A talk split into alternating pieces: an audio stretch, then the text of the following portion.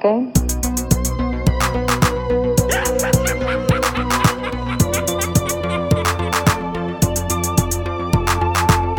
Hello, Hal, do you read me? Do you read me, Hal? Affirmative day. I read you. Welkom in Melon Maart, aflevering 2. Dat is een keer iets anders dan te zeggen welkom in aflevering 58 van Gremlin Strike Back.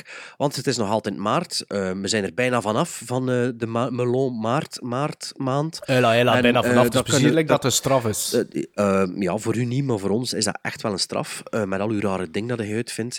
Ehm Sven knikt van niet, maar Nee, we ik weten beter. origineel We weten beter in onze onderlinge WhatsApp-gesprekken zonder Maarten weten we beter. Het is de frisse wind. De frisse wind die in onze frisse podcast wind, waait. Ja, maar ja, ik ben nog altijd weer ziek. Ik weet niet of dat het hoort, maar... eh, ja, het is, ben wel dat is op- een zieke wel- wind. Dat, dat is dat zieke wind. zieke wind. Dus, dus ik zit eigenlijk op de ziekenbank. eh ik lig op de ziekenbank. Ik ben wel naar de dokter geweest en eh, die kon niet veel doen, maar eh, het begint te beteren. Ik proef nog altijd niets, dus eh, je kunt me voorschotelen wat je wilt. eh, of dat nu slecht is of niet. Dus misschien een ideaal moment eh, om mij uit te nodigen om te komen eten, Sven. En hij kookt of zo. Ja, maar ik Als je kook zo alleen die- vlees, hè. Dat is niet waar, want je wordt een keer eh, vegetarische nuggets met, eh, met erop gesmeerd ehm eh geitenkaas en ketchup aan het eten of zoiets ja, ja, raars. zwaar, zwaar, met Maar, dat pijnboompjes. maar je dit niet zelf gekookt, waarschijnlijk. Jawel, jawel. Ja. Ah ja? Ja, wel, wel. Kijk, eh, dat, dat ziet er mij echt een rare combinatie uit, maar ik proef niet momenteel, dus nodig mij gerust uit om dat te komen proeven. Ehm, wat gaan we allemaal doen deze aflevering? Ehm, niet zo heel... Ja, wel veel, maar we hebben niet zoveel tijd. Dus, Heel veel. Lap. de- dus ja, wel, nee, nee, we doen veel, maar we hebben niet veel tijd, dus we zullen een beetje door. We doen eh, de oplossing van de... Allee, de oplossing, de, we doen de roll the dice die vorige keer gerold geweest zijn door Maarten. Dat was eh 1984 actie, comedy, science fiction films eh, individueel bekijken. En dan we doen nog eens een top 3 van iets wat, eh, wat jullie straks zullen horen als jullie blijven aan de lijn hangen. Topjes, Ehm, topjes. Ja, eh, we- zoals dat je misschien gezien hebt op onze sociale media, geven we prijzen weg. Ik denk dat we, toen, wanneer deze aflevering online komt, nog een paar tickets voor offscreen kunnen weggeven. Ik weet het niet zeker, maar hou het in de gaten, reageer erop.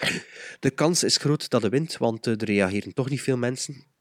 Eh allee, ik bedoel, maar als je al twee keer meegespeeld hebt en je wil nog een keer gaan, stuur een mail. Als er niemand anders mailt, dan win je nog een keer. Hè. Dat is niet met rechtsdeurwaarder van Praagt, of hoe noemt hij? Rechtsdeurwaarder. Van Baklee. Ehm, van Baklee, van Baklee.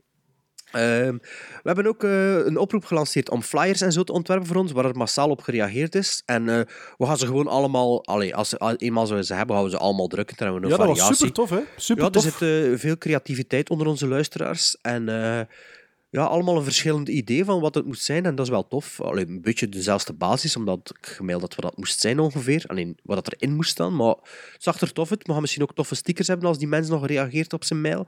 Eh, de aanzet was al sinds tof. Eh, voor de mensen die niet eh, in, in de Photoshop willen kruipen voor ons, jullie kunnen nog altijd in de iTunes reviews kruipen en sterretjes geven aan ons als jullie dat willen. Ehm, herinner je nog, het is veel gemakkelijker ge- geworden om de star ratings te geven als je de iTunes app gebruikt of de podcast app van Apple. Ehm, ik weet niet of dat je bij Stitcher reviews kunt geven of sterretjes, dat mag ook allemaal. Ik dacht het wel. Dacht stuur, wel. stuur ons een mail op uh, ja, gremlinstrikeback.gmail.com.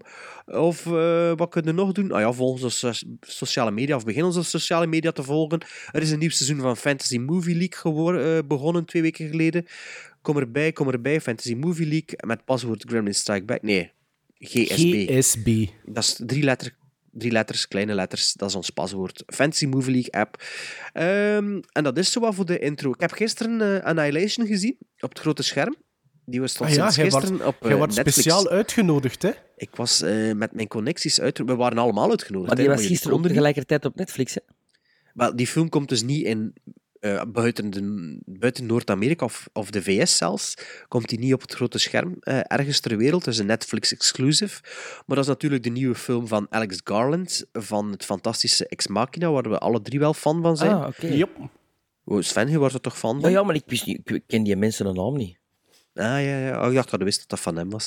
Ehm, Ik had van die mensen en nooit ik, ja, gehoord. ik, ik heb die gisteren op het groot scherm gezien. Niet zo heel groot scherm, maar toch groter dan het kleinste scherm in de cartoons in Antwerpen. Dus dat is Wat, nog altijd groter dan uw tv, hè? groter dan mijn tv. En ook eh, met een reclining seats en met popcorn was er. En eh, Wauw. Ja, dat was al een goede setting. En het was niet om 8 uur, het was, het was in het Antwerpse, dus het was om 8 uur 30. Dus ik had nog tijd om er te geraken. En, ja, het was, eh, en de film zelf, ja, dus ja, de luisteraars zullen hem misschien al gezien hebben ondertussen. Jullie misschien ook, tegen dat de aflevering online komt. Maar dus iedereen die wil, kan hem op Netflix opvragen. Het is jammer dat hij niet op het grote scherm gekomen is, want... ehm, ja, want het is eigenlijk wel een film voor op het grote scherm te zien. Maar is hem goed? Eh, eh, ik, ik vond hem goed, ja, maar niet zo goed als Ex Machina. Eh, maar het is wel weer een beetje Ex Machina, zou er eh, een veredelde, nee, of een, een extra goede aflevering van Black Mirror kunnen zijn. En ehm, dit hier is wel minder, maar het is ook nog altijd dat raar futuristische een beetje, maar niet zo klinisch of clean als eh, Ex Machina. maar verstaan waarom ehm, dat het in de cinema uitkomt? Omdat... Waarom allee, dat niet in de cinema ja, uitkomt, is ik het, snap is dat het, niet. Het is, het is Nee, geen nee. blockbuster waarschijnlijk, hè? Nee, maar het is wel een cinemafilm, allee ja. Is, het- is het weer zo'n... Like, maar Ex Machina was toch ook wel doordrongen van symboliek? Is het ook weer zoiets? Mm, goh, ik vond dat nu niet. eh, Ze zeggen zo, het is te moeilijk voor. Allee, ja, het is geflopt in Amerika omdat het te moeilijk is, maar het is geen moeilijke film. Hè. Je moet een beetje opletten, maar het is niet, het is niet complex of het is niet zo. Het is niet, ze zijn ook veel. Te, ja, trekt op Stalker van. hoe noemt De Taranovsky? of- Russische... De ja, Russische ja. ja, zo Stalker en het is zo, zo wat, wat, wat zwaar filosofisch. eh. Heb je dat ooit gezien, Stalker? Nee, nog niet. Nog Mij niet. doet het heel hard denken aan A Sound of Thunder. Dat ken ik niet. Met Sound Bing of Is dat, is dat niet met dinosaurus? Ja, ja, met Ben Kingsley en zo. Maar ja, dat, dat gaat niet zijn, ze. ja, maar dat zit er Die- hier ook in, hè, dinosaurussen? Eh, ik kan dat allemaal niet zeggen. dat want zie je in de trailer, hè, Bert. Allee, ja. Ja, maar ik ging juist Ja, de trailer zit vol te met spoilers. Ja. Ja, dat was mijn volgende zin. De trailer zit vol met spoilers. Ken, gisteren, gisteren zijn er wel mensen... Ja, het is wel jammer dat ik de trailer gezien heb, want dat, dat, dat, dat en dat en dat en Ah, dat zat er allemaal al in. En... ehm, Maar zie ja, je eens naar de Sound of Thunder, als je dat kunt. En, en, en laat mij eens weten of dat daar niet wat hetzelfde is. het, is, het is natuurlijk een eigen verhaal. En wat ik wil zeggen is eigenlijk, als je... Het is geen mix ervan, maar als je denkt... Ik pak een pot en ik smijt er... Wacht, ik heb het genoteerd. Ik smijt er Cordon in. eh waar dat Sven in meespeelt. Ik smijt in de mixer Space Odyssey. Ik smijt in de mixer Lost. Ik smijt in de mixer Under the Skin. Ik smijt Arrival erbij. Ik smijt Under, eh, under the Skin, had ik al gezegd. Sunshine smijt ik erin. Van eh, Danny Boyle. Geschreven door de- Alex Garland, volgens mij. Je smijt er Stranger Things in. En ook Monsters van eh, Garrett Edwards. Of Edward Garrett, of noemt hij. Gareth, Gareth Ja. Edwards. Eh, en je mixt dat. Dan, eh Ja, maar dan is, je de... maar is het dan... Ja, dan is het een potje met van alles, hè. Maar geen Maar eigenheid. niet- Nee, maar ik heb dat niet gezegd, het is niet zoals, maar als je denkt dat een fan zou zijn van deze mix, Niet echt. ze- dat, maar het is zeker wel een eigenheid, absoluut. Ehm Ex Machina had dat ook, mag ik het ook zeggen. Ex Machina is een mix van, zo, van, van AI en eh, Blade Runner en bla bla bla bla. Maar eh, ik was wel fan, ik had er iets meer van verwacht, maar het is zeker geen slechte film. Wat, wat, geeft hem van Gizmos? Eh 7,5. Hallo? Oh, dat is toch een goede film? Oh, ja? dat is wel goed, hè? Maar dat was wel, ja, de big screen ex- experience zal er ook wel iets mee te maken hebben, helaas. Want ja, het is wel een film dat in moet verzonken geraken. En ja, ik vind dat dat jammer dat dat zo op Netflix gedumpt wordt. Doen er ook zo'n terwijl- namen niet mee? Acteurs die we kennen? Of... Ja, Natalie, Natalie Portman. Portman, speelt de hoofdrol. Oscar Isaac speelt weer mee. En Janice- Jennifer Jason Lee Oh, speelt er ook Oké. mee. En die een grote Samoaan zo. Ik weet niet wat dat hij nog speelt, meespeelt. Zo'n echt een, groot, een, een gigantisch, niet de rock, hè. Once We're Warriors, Eh, waarschijnlijk.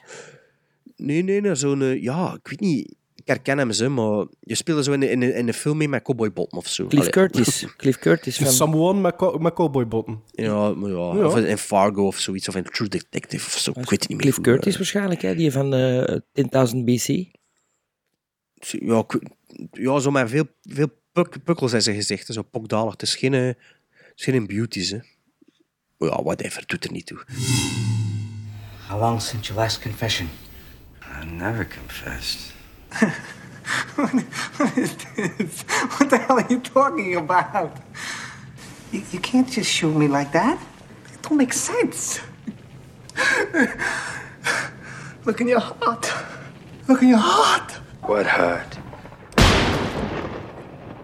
Kremlin Strike Back. Ja, we, we zitten met een probleem. De vorige aflevering was eigenlijk opgenomen voor de Cutting Edge Awards. En ehm, ja, eh, ja, we hebben dus niet gewonnen eigenlijk. Dus dat was, er moet iets misgelopen zijn, denken we. er moet iets misgelopen zijn. Ja, die enveloppen zijn Ja, we misschien... zaten vol anticipatie wel te wachten hè, op ons stoeltje, Ja, ik- Bart. Ja, ik had die, die, die, die, speech geschreven en zo. ehm. Je Het is like, een weet beetje, like, mis- een beetje like Michael Keaton, zo al denken van ja, ik heb mijn speech vast, ik wil gaan. Maar Maar, ja, dat was ook een beetje door u, hè, Sven. Hij had ons via, via, via zo, allee, online had hij ons wat m- pep-talk gegeven. Hè. Kom aan, jongens. En dit moet je zeggen als je op het podium ja, gaat. desondanks dat ik zelf geen uitnodiging heb gekregen om naar de ceremonie te gaan, vond ik het wel... eh, ja, je moet altijd gaan met de gedachte dat je gaat winnen. Hè. Ja, maar ja, dat, we waren gewonnen, hè, maar er is iets misgelopen. Dus ik weet niet... eh, ja, maar zullen wij dan maar de schuld op ons nemen dat we niet gewonnen zijn? Maar eh, Wie heeft er dan wel gewonnen? ja, Studio Brussel radioprogramma maar die hebben geen onder- podcast. Ja, maar het was ook niet, het was niet de categorie podcast, Voilà, het was de makes my categorie point. beste radio. Ah, wel, makes my point. Je moet een extra categorie maken eh, eh, voor beste podcast. Maar ik vind het ook wel een coole fuck you dat de, dat de podcast gewoon bij de radio Radio. Nationaal, ja, van de, ook de radio wint dan toch, uiteindelijk. Nee, want eh, Moslem om half twee had dat ook al gewonnen, dus dat is een podcast. Ah, oké. Oké, volgend jaar beter. Laat ze maar komen, Grietje.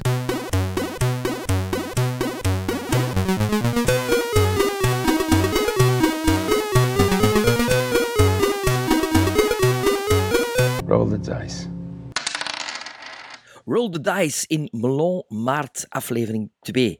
We gaan drie films eh, bespreken die we gekregen hebben uit het geboortejaar van Maarten Melon, namelijk 1984. En wat was dan de Dice? De Dice was verschillende genres. En een eerste genre dat eruit kwam was een science fiction film die ik mocht bekijken uit 1984.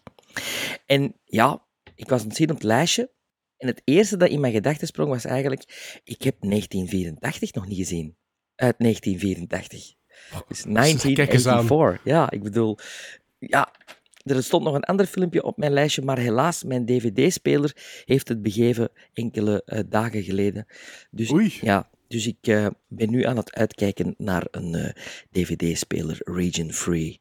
Mhm. Ja, Blu- Blu- Blu-ray DVD-speler, hè. Ja, ja, ja, ja. ja. Op Amazon UK kunnen dat kopen, hè. 150 dollar. Of 209 150 pond. 299 heb ik al gezien. Nee, ik ken een goedkoper. Ik zal er wel de link sturen. Ja. Goed, maar dus 1984. Ehm, een film uit 1984. De film begon en het gaat over een man, Winston Smith, gespeeld door John Hurt, die woont in een totalitaire staat. En Zeg maar, John, John Hurt is welke nest? de HURT. Ja, maar ja, voor de duidelijkheid, Ja, Sven. ja. Dus de, eh, de Engelse. Een Engelse. Die woont in een totalitaire staat en die zijn job bestaat eruit om de geschiedenis te herschrijven slash eh, te veranderen. Maar er is ook net een atoomoorlog geweest en de wereld is verdeeld in drie staten. En er is een constante eh, oorlog met de andere staten. En de totalitaire staat eh, doet een klein beetje denken aan de, eh, ja, een communistisch gegeven. Iedereen is gelijk voor de wet, iedereen draagt ook hetzelfde.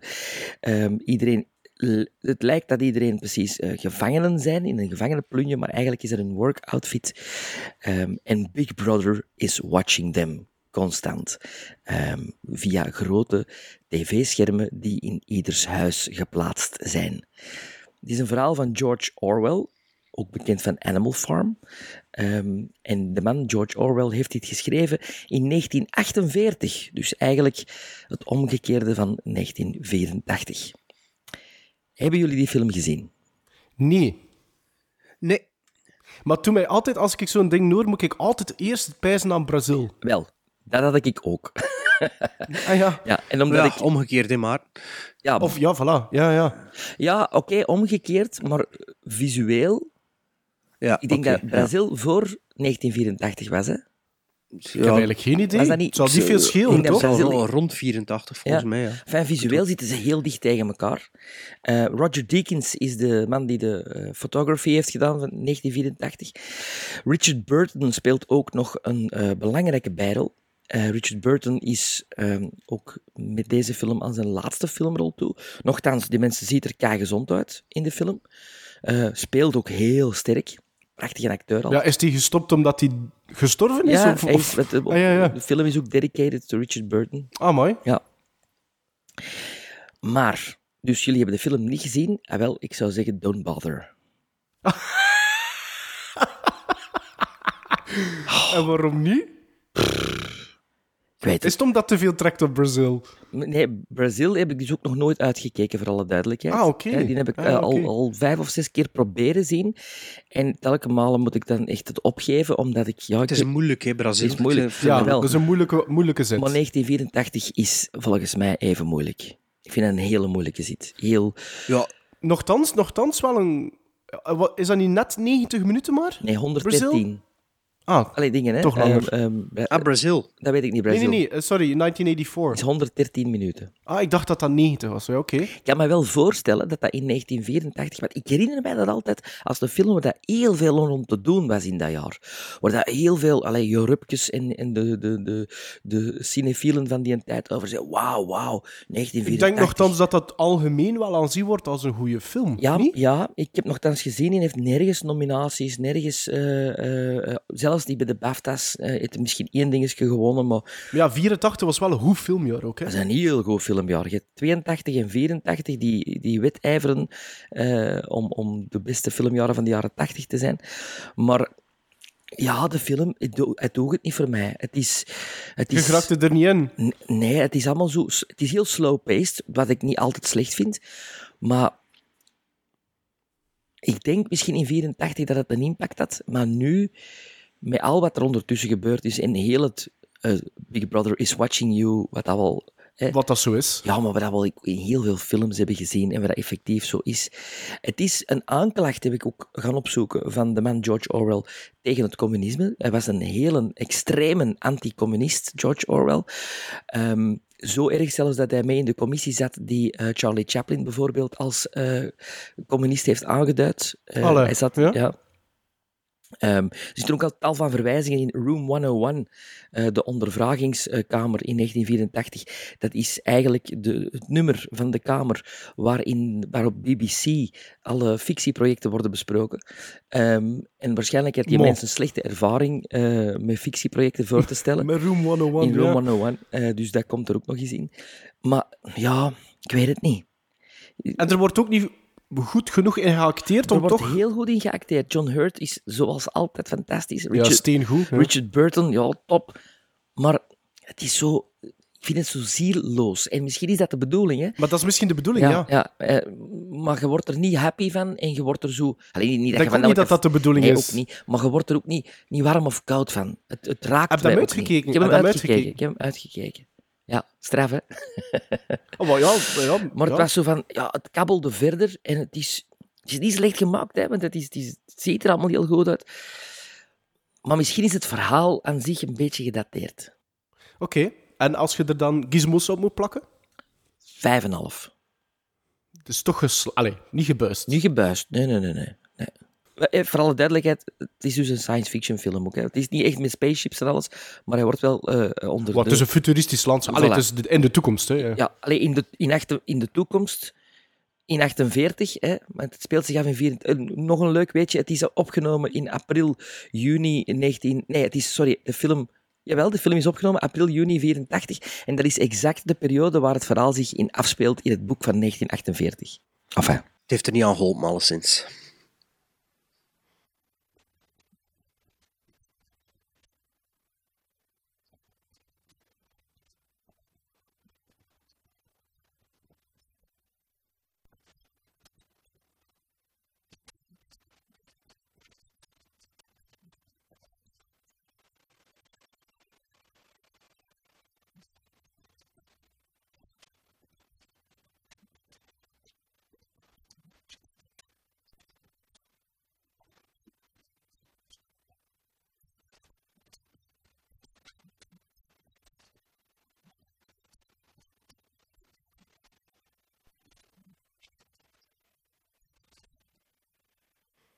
Eh, ik moest een komedie eh, kiezen van 1984. En eh, ja, zoals dat we weten is 1984 een, eh, ja, een fantastisch filmjaar. Met gevolgen natuurlijk, als je de lijstjes bekijkt, heb je bijna alles al gezien.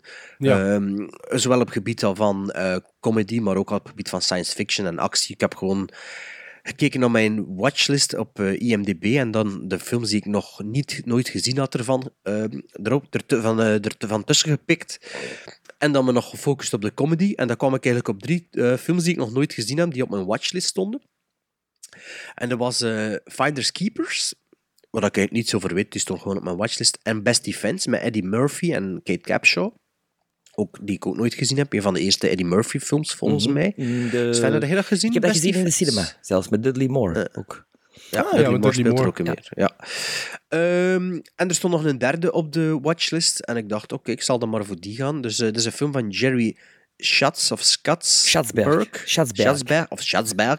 Schatzberg. Van, eh, die voor mij bekendst is. En als ik zijn credits zie, eigenlijk enkel maar bekend is voor mij van The Panic in Needle Park. De eerste rol van Al Pacino. Een van de eerste rollen. Mhm. De gritty, eh, de gritty New York eh, low-budget film van 1970. Het gaat nogthans over heroïneverslaving. Ja, wel. Sven, Maar, ehm, maar niet zo expliciet als anderen.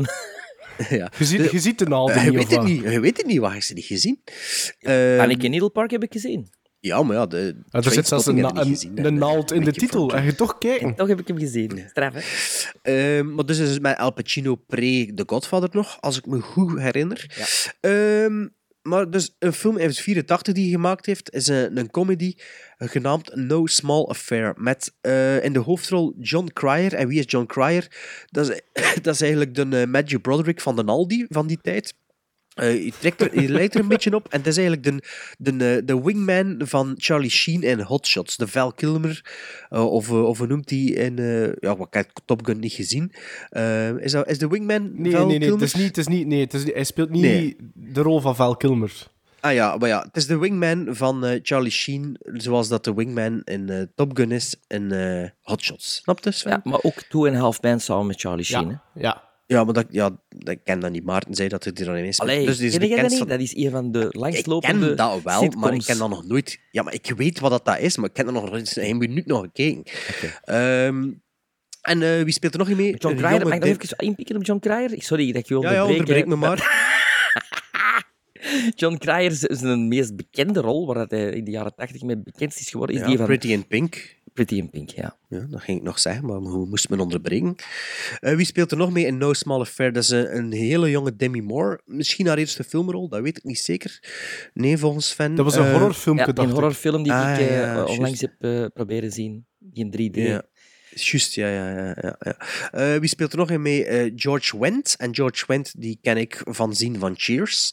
De dikke, Eh, hè? Die de dikke van Norm. Cheers. Eh, en dan speelt er nog een hele jonge Tim Robbins in mee en Jennifer Tilly. Tim Robbins, die eigenlijk een hele grootnis zag ik in die film. Dat is een reus, Dat is jong. een reus. Ja, dat, is- ja. ja, ja, dat wist ik niet. Waarover gaat nou Small Affair nu? Dus, eh, ik zal het even voorlezen van eh, mijn maten bij eh, moviemeter.nl. Ik heb de Hollandse termen ervan tussen gehaald. De 16-jarige scholier en amateurfotograaf Charles, dus gespeeld door John Cryer, neemt per ongeluk een paar foto's van een za- rockzangeres, de 23-jarige Laura, dus eh, gespeeld door Demi Moore. Als hij de foto's ontwikkelt, wordt hij verliefd op haar. Hij gaat haar zoeken en komt erachter dat ze met haar band in een, ba- met haar band in een bar zingt, maar dat ze op het punt staat ontslagen te worden door George Wenton. Charles en Laura hebben een affaire en Charles verzint een plan om Laura te helpen. Hij zet een reclamecampagne op om geld in te zamelen. Dat klopt zelfs niet volgens mij, de laatste. Ik vind, dat, tot in te op, tot zamelen. op, ik vind op dat dit moment een hele slechte synopsis is. Eh, dat vind ik niet eigenlijk, maar uh, ik, maar vind doe dat er, ik vind dat er heel veel verteld wordt al. En dat is ook zo'n beetje een pet peeve van u. Dat is één. Maar ja, zwart. Ja. Doe maar voort. Nee, nee dat, wa- dat was de synopsis. Maar ja, Ja. heel veel verteld wordt. Ja, meer, ja, inderdaad, meer aan de film is er niet dan dat. Ehm, de film begint met een voice-over die van alles begint te vertellen in plaats van te tonen. Toen dacht ik al van ja, oké, hier gaan. Gaat het om mij vertellen of had het had ook gewoon tonen wat er gebeurt in de film? Ehm, dat was al tijdens de, voor de generiek of tijdens de generiek zelfs of zo. Ehm, en op de generiek stond eh Vilmos, Zygmunt, de cameraman van eh, Close Encounters en zo. Legendarische Hongaarse cameraman. En blowout, hè? En Blowout ook, ja, veel van Brian De Palma. Ehm, maar eh, ja, die mens moest ook zijn brood verdienen, dacht ik dan. En die zal waarschijnlijk ook eh, kinderen hebben die naar school moeten en een huis die moet afbetaald worden. Dus eh, die dacht soms ook wel eens, allee ja, ik zal dat ook maar doen. Ehm, ja, zoals ik zei, die synopsis die ik voorlas, dat is bijna Hans de film, inderdaad. Maar, Maar het is ook niet klopt dat- ook niet dat- dat- volledig. dat je dat niet verwacht na, na minuut drie of na minuut zes dat dat gaat gebeuren. De film, eh, ja. ja, ik heb hem doodverveeld. Ik vond het echt... Ik heb er geen één moment gelachen, zeker al niet, voor een comedy. Het is Eh, niet echt een comedy. Het is niet echt... Het is niet bulderlachen. Nee, dat het doet. is eigenlijk... Nee, maar ja. Eigenlijk is het een, een, een beetje een zedeschets. Eh, het is ook een R-movie. Ja, het, de- is, het is een Is John een Hughes van de Aldi. Ja. R-rated movie. Het is John Hughes van den Aldi. Dat, is, dat klopt perfect. Echt, hè? Ja, ja, Amai. ja. Maar ik vind wel dat. Ik noem het de subpar ehm 80s comedy. Ja, maar het is er Maar het is geen comedy. Het is geen comedy. Het is, het is een, ik vind het een zedeschets. Ik heb er toch wel een paar keer zo... Ja, de, de laatste 40 minuten heb ik toch wel een paar keer gelachen. Ze. Allee, ik, Ik heb de laatste niet- 40 minuten toch wel een paar keer moeten geven. Eh, Ja. de, het is inderdaad een zedeschets, maar uit het pre-AIDS-tijdsperk. hè, Want er zit zo'n grap in over eh, seksueel overdraagbare aandoeningen voordat Ja, AIDS ja, ja. bestond. En die, die, die, die grap, dat dan eigenlijk niet echt een goede grap zou zijn, maar dat, dat, dat, is, dat is super gedateerd, omdat je zegt zoiets van, ja, geef me anders een, eh, een seksueel overdraagbare ziekte, en liefst een waar dat ik een dood van ga. Terwijl dat zo... Maar niet Ja. te pijnlijk. Ja, ja, ja, zo van ja. Allee, niet dat dat moest aids bestaan, maar als die grap van mij ook, maar, maar gevoeld dat dat gewoon nog niet bestond of dat er zo al een notie was ergens. En Maar ik vind het geen slechte film, hè. Ik ook niet. Ik ook niet. Ik moet eerlijk zeggen, ik vind dat ook geen slechte film. maar er is, daar is nu toch niets van meerwaarde voor die film. Of dat er- Ik- denk die dat film, je- had je dat nu gezien hebt of niet? Ja, voor de, als completist voor van die soort films van de jaren tachtig. En als film in, met Demi Moore en met John Cryer. En voor, denk ik van, ja, dat is leuk om eens te zien. Maar, maar once en, en dan... Ja. Ja, Oh, ik, heb, amai, ik heb net hetzelfde. Ik vond dat leuk, want ik moet eerlijk zeggen, John Cryer heb ik nota bene in wat voor rol in een film bijna nooit niet gezien. Ik weet niet of dat hij echt veel ja, Veel, acteerde. veel als, theater ook gedaan, veel tv ook gedaan. Maar eh, Ferris, Ferris Bueller's Day Off. Nee, daar zit hem niet in. eh, Nee, nee, dat zit er niet in. Gadget. Nee, eh, nee, Ah, ja, ja, nee, Matthew Broderick. Matthew. Ja, ja, ja, ja. Maar ik vind eh, Ehm, absoluut geen Matthew Broderick van den Aldi, want ik vind dat eigenlijk twee totaal verschillende acteurs. Ik vind dat hij dat... Ik vind, sorry, als hoofdrol, als leading man in, in No Small Affair, ik vind dat... Ik vind dat hij dat, die, dat niet slecht doet. En ik was... Allee, ik kon perfect naar hem blijven kijken. Ik vond hem interessant genoeg. En de manier waarop, waarop dat hij speelde, vond ik absoluut interessant genoeg om te blijven kijken. Maar ik treed er wel bij, Bart. Op een gegeven moment kijk ik... Ik zeg van, ik ga toch een keer kijken hoe lang dat hij al bezig is, de film. Ik zat blijkbaar aan 55 minuten en dat duurde nog drie kwartier. En dan had ik wel zoiets van, oei, oei, shit, dat is wel nog lang voor wat het maar Ja, is. je kunt het een beetje...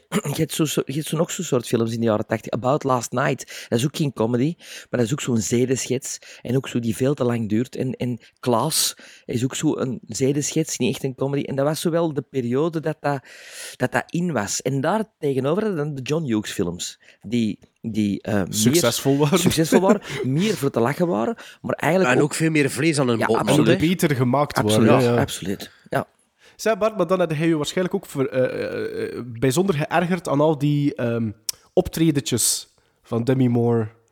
Want dat is toch zo'n beetje het ding waar dat hij op let, hè? als er bands aan het spelen zijn? want- Of... nee, nee, dat viel wel nog mee, omdat het niet zo typisch was van we slaan een noot aan en iedereen wordt gek. Ah ja, ja, dat is het. Ja, dat iedereen Ja. zo te mee te doen, zeker. Hè? Dat is wat Ja, dat, dat vind ik verschrikkelijk. Dat vind ik verschrikkelijk in films. Zeker in Amerikaanse films. Als er iemand op een podium kruipt en ze, ze, ze steekt die gitaar aan of ze slaan een keer op die drum, begint springt iedereen recht te, te roepen en te dansen. En ze een rock en roll liggen op, op de publiek gericht en weet ik veel allemaal. Terwijl in dit, nee, dat vond ik dan wel geloofwaardig. Eh, Allee, Oké. Maar ik vond niet, ik, vond, ik kan niet zeggen dat ik het verhaal eigenlijk totaal, ik vond het verhaal op zich geloofwaardig. Dat was mijn probleem. Allee, totaal niet, maar ja, ik vond het ook niet slecht geacteerd. Maar ik, ja, ik had zoiets van, ja, wat vertelde me en ook hoe, vertelde het mij? Allee, als je met je voice-over je film probeert te redden, wat dat misschien het geval was, in Ja. post... Ik vond, dat, ik vond dat wel redelijk werken. Nee, Allee, ik dat, zat echt- dat, was echt, eerste- dat was echt een exposure voice-over. Dat was geen eh, Shawshank Redemption. Dat was... eh, zo dat begint, I was in love with... En, Ja, juist, juist. Maar ik had anders zeggen, ik ben beginnen kijken eh, nadat dat ik mijn film voor the Dice bekeken had. Dus later meer. En het was al redelijk laat, maar ik zeg van, weet je wat, ik ga toch nog naar No Small Affair ook beginnen kijken, want ik wou zoveel mogelijk films ook zien voor deze aflevering. En ik heb de eerste tien minuten gezien en ja, het was te laat. Maar ik vond het wel een beetje jammer. Ik, ik zat er wel onmiddellijk in. Dus ja.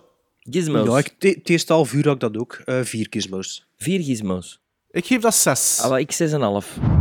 22, she thought she had seen it all. Can I level with you? No, continue lying. Until she saw what she could be in the eyes of a 16 year old boy. Possibly one of the biggest stars this country has Today. All he wanted was her picture. I have just been fooling myself. I, I never kissed anybody like that before. What he got was no small affair. This is so great. Rated R. Gremlins Strike Back. En de, de, de derde film van Roll the Dice was een actiefilm die ik mijzelf gegeven had. Allee, via de dobbelsteen, ik had niet gecheat. Ehm, ja, Sven is al aan het glunderen. Ehm, ik had eerst een andere film gekozen, maar uiteindelijk is de, de, de, de film die ik gezien heb Missing in Action. Yeah, Een Canon-film yeah. uit 84, eh, die toch een soort van status heeft. Ehm, nou ja, ja, 84. Dat, ja, dus als je zo hebt over actionfilms en je gaat dan gaan, gaan zoeken naar... Je, spreekt over een Jean-Claude Van Damme, dan denkt de mensen kickboxer. Ehm, de- Stallone, eh, Rocky. En dan heb je Chuck Norris, en dan zegt iedereen Missing in Action, toch? Ongeveer. 1, 2 en 3. Dus ik had die film nog nooit niet gezien, dus ik was daar eigenlijk wel redelijk benieuwd naar. Ehm, ja, dus een Canon-film waarin dat Chuck Norris, die toen al 44 jaar oud was, ik was er eigenlijk wel redelijk van verschoten, ehm, die speelt Colonel James Braddock, die tijdens de Vietnamoorlog gevangen werd en als eh, prisoner of war zo'n zes of acht maanden, ik weet het niet meer juist, gefolterd werd. En eh, de film gaat dat hij eigenlijk terugkeert naar Vietnam, omdat hij ervan overtuigd is dat er nog Amerikanen vastzitten als prisoners, prisoners of war, wat dan weer eh, tegengesproken wordt door de plaatselijke regering. Ehm, ik moet eerlijk zeggen, ik ga beginnen met het feit dat ik Missing in Action wel vind dat dat een goede premisse heeft. Zo'n militair met toch wat status die terugkeert naar het land waar dat hij heeft afgezien en opnieuw oog in oog komt te staan met zijn kwelduivels. Ik vind dat ook wel... Ik vind dat wel... Het klinkt interessant. Ehm, het klinkt alsof dat er daar iets in zit. Ehm, het is een film, Missing in Action, die daarna nog twee sequels gekregen heeft met Chuck Norris, Ja. dacht ik. Dus de, Het is, de eerste, het de is eerste een- sequel gaat eigenlijk over de periode... En een prequel. Dat is een prequel. Ah, dat is een prequel. Oké, de En- sequel is een prequel, ja. Ja, en eigenlijk was dat de eerste die ze hebben opgenomen. Ja. Ah, dat wist ik Ja, niet. maar die was beter dan de eerste. En ze zeiden van, oh, mm, begon die een tweede uitbrengen om, omdat die Om, beter is. Op, ja, ja, om ja, de naar boven te gaan, Ja, ja. kwalitatief. Ja. Ah, dat, dat makes sense eigenlijk nu. Ehm, maar Missing in, Action, Missing in Action, die dat, we dus nu, dat ik nu gezien heb, 84, dat is ook zo'n beetje een soort van template geworden voor andere films met zo'n soortgelijke verhaallijn eh, achteraf gezien. Ehm, Rambo, Maar- Rambo 2 bijvoorbeeld. bijvoorbeeld. Maar ik vond dat eigenlijk over de volledige lijn niet boeiend genoeg. Ik heb de film in drie stukken gezien. Het het spijt me, Sven. Het spijt ik, heb de film, ik heb de film in drie stukken gezien. Ehm, en ik denk dat echt dat het mij amper zou lukken om die in één, in één ruk uit te zetten. Ik denk dat het mij niet zou lukken. Het absolute lichtpunt in Missing in Action En- en is de Walsh. intrede van M. en met Walsh. Maar het is natuurlijk jammer, want op dat moment wordt het nog pijnlijker dat Chuck Norris toch geen begenadigd acteur is. Hè? Nee. Dus dat, ja, maar het is wel uw leading man. Ja, maar het is ook een actiefilm. Ja, ah ja, en dat is mijn volgende punt. Ik ken Chuck Norris als, net zoals al die anderen die op die periode opgekomen zijn, als een ex-martial artist. Hè? Ja, En een karate-kampioen, hè. Ja, en missing, maar in Missing in Action zitten er geen thrilling fight scenes. Aangezien dat alles gebeurt met wapens. En ik vind dat een beetje een gemiste kans, want je hebt dan niet zoiets wat dat je naar kunt uitkijken als kijker. Zeker met die voorkennis dat je hebt. Chuck Norris Maar hij had ervoor al vechter. heel veel martial arts films gemaakt. En deze was eigenlijk zijn overstap naar de, de box-office blockbuster action movie. Ja. Ik vind wel, er zitten wel een paar knappe stunts in, in, in Missing in Action. Maar die worden dan weer afgewisseld, afgewisseld met mindere stunts. En dat is zo'n beetje de rode draad van heel de film. Het mensen die goed staan te acteren, dan heb je de die minder staan te acteren. Het goede stunts, het minder goede stunts, het betere stukken, het saaie stukken. En daardoor, dat tempo, ah, dat blijft zo heel vlak. Maar zijn er Ehm. nu getriggerd om 2 en 3 te zien? Absoluut niet. Drie, drie, drie is de minste van, van de hoop. Maar 2 is eigenlijk... Weet je wat, weet je wat het probleem is ook aan Missing in Action? Is, is dat het ligt hoofdzakelijk aan het script. Ehm, en in minder mate aan de montage. Ehm, Ah, wel. er, zijn- ja, zeg maar. Maar, eh, ja, het is een, een weetje, een, een, een, even een melonweetje erdoor. Ja, Ehm, doe maar. Ja, de dingen is dat bij Missing, Missing in Action in die periode hadden dus het, het gegeven van de POW's. En Reagan is ermee begonnen. Met eigenlijk dat, dat op te gooien van, zeg, zouden er nog POW's zitten, Missing in Action zitten, eh, mensen die nog in de Vietnamoorlog... Hè, want Saigon was, was een paar jaar ervoor pas gevallen. Ja. Maar eigenlijk is dat een soort van mysterie zoals UFO's altijd geweest. Want Zitten ze er nog of zitten zitten, ze er nog of zitten ze er niet? En dan is Hollywood erop gesprongen. Ehm, en onze vriend James Cameron, die had eigenlijk een treatment over zo'n film. En die is Ja. met dat treatment eh, langs verschillende studio's gegaan. En heel veel studio's zijn daar opgesprongen op dat treatment. Hebben zij vooral niet gebruikt, maar hebben dan wel eh, Rambo 2 in gang gezet. En Ja. doordat Rambo 2 eh, eh, gemaakt werd, is er rap, rap, rap beslist eh, tijdens het draaien van Missing in Action eh 2, dat eigenlijk de 1 was, van shit, we moeten ook zoiets hebben met POW's. Dus we maken al rap een Missing in Action, dat je voor Rambo eh, in de zalen kan komen, eh, om, om zo geen eh, lawsuits te hebben om van de ene van de die gezien. Maar eigenlijk komt het idee van dat soort films van James Cameron. Nou ja. Ja, ja. Dus ja, dat is wel interessant. Eh, Ik vind het wel interessant, maar ik, ik ben nog altijd niet geneigd om, om, om En de muziek, en drie en de te muziek, en de muziek. Ja, is goed. Goed, is hè? goed. Ja, is goed. Ja. Is goed. Heb jij, ja. heb jij die gezien, Bart? Ja, ik heb die gezien, ik heb die gezien. Lang geleden? Eh, mm, pff, ik denk dat ik hier al woonde, dus ergens de laatste zes jaar. Ja. Voor de eerste keer, eigenlijk had ik dat nog nooit gezien. Maar ik vond dat ook niet goed. Ik vind dat... Eh, je, hebt die, dus, je hebt die ook nu van de week he- herbekeken, zeker is van? Ja. Ja. Zij, weet je wat, dan, wat dat ook zo'n probleem is aan dat script, vind ik? Je hebt er bijvoorbeeld in Missing in Action heb je eigenlijk twee villains. Je hebt er twee, als je het, als je het een beetje samenklutst. En één daarvan ehm, is de main villain, want dat is die die Chuck Norris effectief gefolterd heeft, terwijl dat hij daar prisoner of war was. Ehm, maar dat is zo jammer, want als we dan zien hoe en op welk moment in de film dat hij tot zijn einde komt, dat is toch een gigantische anticlimax. Want dat ontneemt die film de mogelijkheid om, om echt naar iets toe te werken. Want act 3 vind ik persoonlijk heel mager. En, en, en allee, wat, wat, wat schiet erover? Act 3 moet het echt hebben van een M- Emmet Walsh, vind ik. ja. Ja. Mission, Want wat Mission Rescue. en- en dat is het probleem, want wat schiet erover? Een soort van all-American hero movie, waar, al, waar dat alleen maar de Amerikanen in staat zijn om te mikken als ze schieten. Hè? Maar dat is het. Dat is, en niet Ja, meer maar- dan dat. Je maar- moet maar dat gewoon als puur entertainment zien.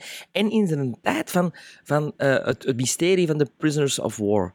Ehm, Weet je, de- die film ik- heeft wel een maatschappelijke relevantie, want tot voor eh, eh, Rambo, First Blood, werden veterans echt, echt slecht behandeld in Amerika. En het is door films als Missing in Action en door films als Rambo, First Blood Part 2 en de eerste ook, dat er eigenlijk een, een kentering is gekomen in hoe ze omgaan met veteranen uit de Vietnamoorlog.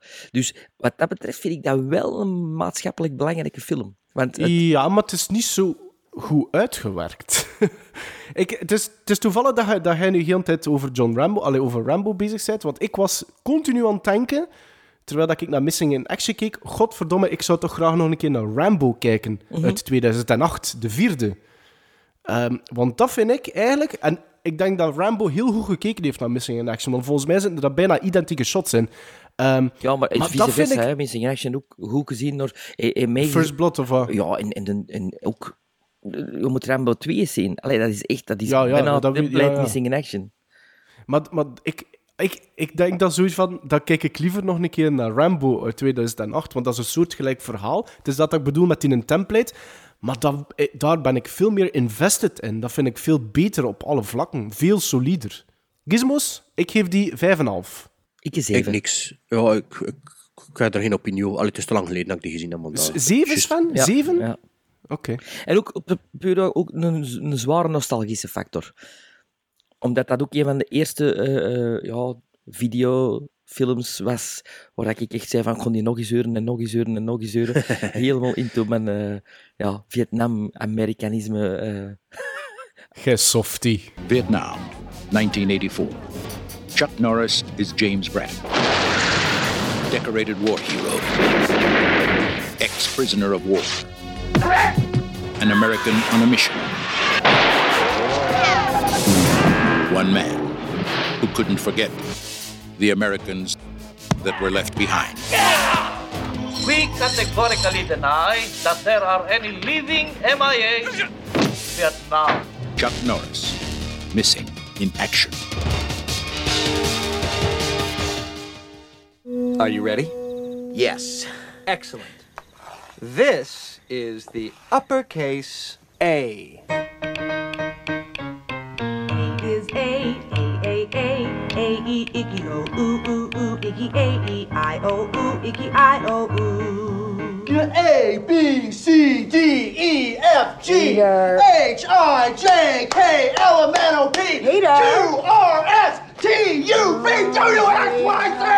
Huh? That's all you have to do! Gremlins Strike Back Melon Mart 2 is ook de aflevering waar we gaan proberen. Allee, ik heb eh, een nieuw segment eh, bedacht. Allee, we gaan proberen van een nieuw segment te lanceren.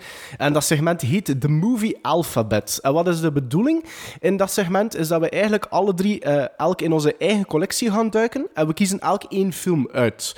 En begin doen we logischerwijze bij de letter A. En als dat aanslaat, of we vinden dat dat goed is, dan gaan we de volgende keer naar de B, en zo verder enzovoort. Nu, de, de bedoeling is van één film te kiezen, en de reden daarvoor is eigenlijk legio. We kunnen eentje kiezen omdat die steengoed is, omdat we die bar slecht vinden, omdat die miskend is, overhyped is, interessant, omwille van eender wat. Ehm, we gaan dat niet te lang doen, dus meer zo'n beetje een, een, een, een tussenstukje. Dus ehm, ik weet niet wie dat er bij het beginnen. Bart misschien? Ja, Wat Bart, jouw keuze? ja, Bart. Ja, ehm, wel, bij mij, eh, de letter A is... Ja, de lidwoorden, dat telt niet bij mij in mijn collectie. Mijn collectie begint eigenlijk bij cijfers. Ik, eh, De mijne ook, maar het is geen alfabet Ah, dus- natuurlijk, is is- cijfers. Ja, dat is geen alfabet. Dus ik stond voor mijn kast en ehm, ik zag dat ik niet zoveel films met de letter A had. En toen, had ik de, toen zei Sven, ja, maar ik ken er 40 of ik ken er 50 of ik ken er... Toen zei ik, ja, maar ja, bij mij zit er iets dat met de A begint, dat zit niet bij de letter A. Dus iets dat met de A begint, of- en ik zeg, ja, bij mij is dat niet zo. De lidwoorden, dat zit, die, die tellen niet mee in de alfabe- alfabetisering. Ja, bij de heb ik dat zegt Sven, maar bij A niet. Wat ik een hele rare denkwijze vind, want de bepaalde en de onbepaalde lidwoorden, bij ja, mij is dat... A je letter is. Ja, maar ja, sowieso. eh. Maar het is wel een Ehm, lidwoord natuurlijk. Ja, Ja. dus de, de de zit bij mij ook niet. Of eh, de Franse lidwoorden, dat, dat wordt er Ah geen ja, rekening mee gehouden. Hè. Dus ik denk wel dat ik daar redelijk consequent in ben. Misschien bij de Spaanse dat er wel ergens tussen geslipt zijn. Ehm, maar ik had dus maar ik denk een stuk of 15 bij de letter A om een of andere reden. Dus ik ben ehm, beginnen kijken waarover ik het kon hebben. En toen dacht ik, ah, maar ik ken ook nog een stapel van films die ik nog moet bekijken, die niet in mijn alfabe- gealfabetiseerde... dat je nog eh, niet juist gestoken had, zo gezegd. ja, dat ik nog, ja, die gewoon niet in mijn collectie verdwijnen, omdat ik, hem- omdat ik anders vergeet dat ik er nog naar moet kijken. En toevallig heb ik vorige week een stapel dvd's gekregen van twee fervente luisteraars die hier om- mijn hoek wonen. Namelijk Joyce Beulens en, ja hoe noemt die? Zoiets? Steven, Steven. Ste- Steven. Steven. Dus eh, het koppel, eh, de koppel BV's die hier om de hoek wonen. eh, Koppel, koppel die gaan, BV's, die ja. gaan verhuizen en die eigenlijk eh, mijn kinderen wakker gemaakt hebben door een hoop dvd's in de brievenbus te duwen. Ehm, en er zat er toch wel eentje bij met de letter A dat ik zeg, godverdikke, dat is nu eigenlijk een film als je tien jaar jonger zit dan mij, dat je eigenlijk totaal niet kent. Oké. Eh, en als ik zeg dat het een, een Belgische roadmovie is, dan denkt je aan met rolstoelpatiënten. Hasta la vista. Hasta la vista is niet met een A, dus niet hasta la vista. Maar het is wel een, een, een Belgische roadmovie met rolstoelpatiënten. Ehm, ik zeg Belgisch, niet Vlaams, dus het is een Waalse film. En het is een beetje een mengeling van Hasta la Vista en King of the Belgians, waar ik eh, vorig jaar redelijk lovend over was. En het is een film van, ah kijk, ik heb het niet genoteerd, ik denk 2003, ehm, van een duo regisseurs en het is Altra. A-A-L-T-R-A. Zijn nog jullie dat iets? niet van gehoord, nee. gehoord. Nee? Ja, Sven stond nogthans op uw, wa- op uw watchlist van eh Letterboxd, zag ik. Ja, die stond erop. Ehm, waarover gaat Altra nu? Het gaat dus over twee buren die, eh, die altijd ruzie maken. De ene is een boer, de andere werkt van thuis uit. Eh, ze maken altijd ruzie. Op een gegeven moment belanden ze in een gevecht, waarna achter de tractor of achter een pikdorser van het merk Altra, A-A-L-T-R-A. En ehm, ja, er gebeurt daar iets mee en ze worden al twee verlamd. Waarna dat ze eigenlijk ehm, onderweg gaan naar het bedrijf Altra in Finland om schadevergoeding te claimen met een rolstoelen. Klinkt wel Eh, nog leutig, hè? ja, het is, het is heel low budget. De twee hoofdrolspelers zijn ook de regisseurs. Sinds die film is er redelijk wat gedaan. Ook iets met Gérard Depardieu en zo. Ik denk dat ze wel een naam zijn in het Franstalige cinema. Eh, dus Frankrijk ook waarschijnlijk. En het is, eh, als ik zeg King of the Belgians, het is een beetje die humor. Ik weet niet of dat jullie Clinch gezien hebben, die tv-serie op Canvas. Nee. Eh, wel ja, het is een beetje die humor. Ik ken dat nu gezien omdat ik eraan meegewerkt heb. Het is die humor, maar zonder de, de taalhumor die erin zit. Ehm, het is dikwijls scènes die bestaan uit ene shot en zo. Like bijvoorbeeld een scène, ik heb hem dus herbekeken, maar ik heb hem twee keer gezien toen dat hij uit was. Zo. Ik heb hem twee keer gezien. Ah, dat, Dus is, dat is een film dat je al gezien had? Ja, ja, ik heb hem al twee keer gezien. ja. Ja. Ja, maar dat was ook zo... Ik was dat een beetje vergeten, die film. En goh ja, ik vond dat wel geestig destijds. Ik heb hem nu herbekeken. Ja, wat tempoproblemen en zo, maar de humor werkt nog altijd. Like bijvoorbeeld ene scène is, de camera staat achter een toog van een, van een café gericht. Twee mensen zitten er in een- zo'n ja, zo'n wit pak, ik weet niet wat, zo like van een beenhouwer of zoiets. Zitten ze aan een toog met een pint te babbelen. Een vrij abstract gesprek over airconditioning. Zit een een te zagen tegen een ander dat te warm is. En dat hij moest kiezen voor ABS of airco is in een auto. En in plaats van die scène zie je eigenlijk dat er omdat dat, dat valt niet echt op. Rechts op die toog staat er ook een pintje. En zie je plots dat er zo'n pintje van de toog weggehaald wordt, onder de toog, en weer gezet wordt. Met andere woorden, die in zijn rolstoel zit, zit er nefferst. Maar je, ziet, maar je ziet dat dus niet ja, ja, tot ja. het laatste moment dat je hand die pint zo wegpakt. Ja, ja, ja. ja, En, en uiteindelijk, die twee hoofdpersonages zijn echt twee, twee klootzakken. Ze stelen en ze zet- zetten mensen in de zak. Gewoon voor, ja, ze zijn heel verbitterd. Ze waren sowieso al verbitterd, maar door in die rolstoel te zitten, zijn ze nog grotere klootzakken geworden. En ja, het is, het is, ja, het is, wel, het is wel grappig. Het is zwart-wit gedraaid, het is eh pellicule gedraaid. Het is... Het klinkt Allee. wel zo, zo een, een, een, een... Allee. Ja, zoiets dat onder de radar, maar eigenlijk wel nog goed genoeg is om te worden. kunnen zijn wel. Ik niet, ik begrijp echt niet waarom dat, er op mijn watchlist hoe dat erop Ja, gerold is. nee, nee, ik begrijp het ook eigenlijk Ik niet. denk dat mijn letterbox gehackt is of zo. Ik bedoel, Altra? Ik heb er nooit van gehoord. En waarom stond dat op mijn, op mijn let? Nou, ja, Ja, het lijkt me niet echt iets voor nee? Sven. nee. Is dat misschien nee. omdat, omdat iemand tegen zei van hey, bingo, gaat ook over gebeuren? Misschien daarom? Maar ja, Letterboxd had het toen nog niet, hè? Nee, Allee. nee, dus mij, ik vind het zeer raar. Maar ik denk, ik heb het nu niet gecheckt, maar ik denk als je de trailer ziet, dat het al een goede, goede represent, representatief, dat representatief is voor de film. Want het, is, het het zit geen actie in of zo, dus ik denk dat er in de trailer misschien gewoon twee, twee scènes zitten of zoiets. Ja. En, ehm, ik weet niet of dat iets is voor Sven, bij Maarten, hij zat er wel... Was Sven misschien ook, zo, maar... Ja, allee, ik heb eigenlijk vooral gekozen... Het moest kort zijn, hè, dat segment, sorry. Ik heb eigenlijk vooral gekozen omdat... ehm, omdat het een vergeten film is, een Belgische film. Ja, die exact. Eigenlijk, eh, maar en poel met- voor, met die de- zit er ook in, zie ik. klein, klein, klein rolletje. En ook Aki Kari, Karissima, of een, die, nou, die een Finse regisseur, een mega bekende. Oh ja. Ak- Ak- Aki, ja, maar die had zo Palm d'Or gewonnen, ook met The Man Without a Past. Dat zijn zo van die Ah, saaie ja. films. Maar dat is, wel, allee, dat is wel een naam. Die zit er ook op het einde in als, als ze eenmaal, spoiler alert, in Finland belanden en bij Altra zitten. Maar ga maar toch niet zeggen dat jij die zag en dat jij zei oh, hier zit, dat is die regisseur van Aki nee, Aki. tuurlijk, tuurlijk niet. Ik heb de film nu gezien en ik weet zelf nog niet met zekerheid wie dat is. Nee, maar de naam is wel bekend. Dus, dus als ik de namen zie geschreven staan, weet ik wie dat is. Ja, Ja. Wel, ik doe een oproep aan onze luisteraars voor wie dat hem kent of wie dat hem niet kent. Allee, jong. Het is toch obscuur? Ook Als je een beetje over film leest en een beetje volgt, vind ik dat niet zo obscuur. Ik weet niet, maar heb jij die naam al gehoord? Ik had er eerlijk gezegd nog niet van gehoord. Nee. Ah ja, oké. Maar dat ja. wil daarom niet zeggen dat ik dat obscuur vind. Sven, eh jij hebt ook Ja, eentje wacht, met de wacht, letter heb je A. geen gizmos te geven?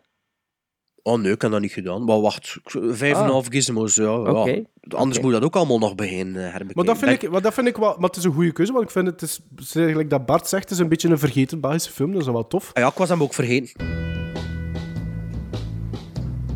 Là Rien. Là Rien. Là Rien. Là Rien. Écoute-moi bien, Superman. C'est pas parce que t'as perdu tes jambes qu'il faut ouvrir ta grande gueule devant mon fils. T'as compris Ah, c'est bon, Jérémy, c'est bon.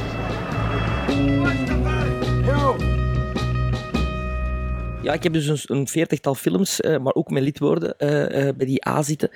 Ehm, de mijne heeft een, eh, is een film uit 96 eh, en heeft een tagline: The greatest danger facing our world has been the planet's best kept secret until now. Het is een- Sound of Thunder. Ah ja, nee, dat is met een A. hè.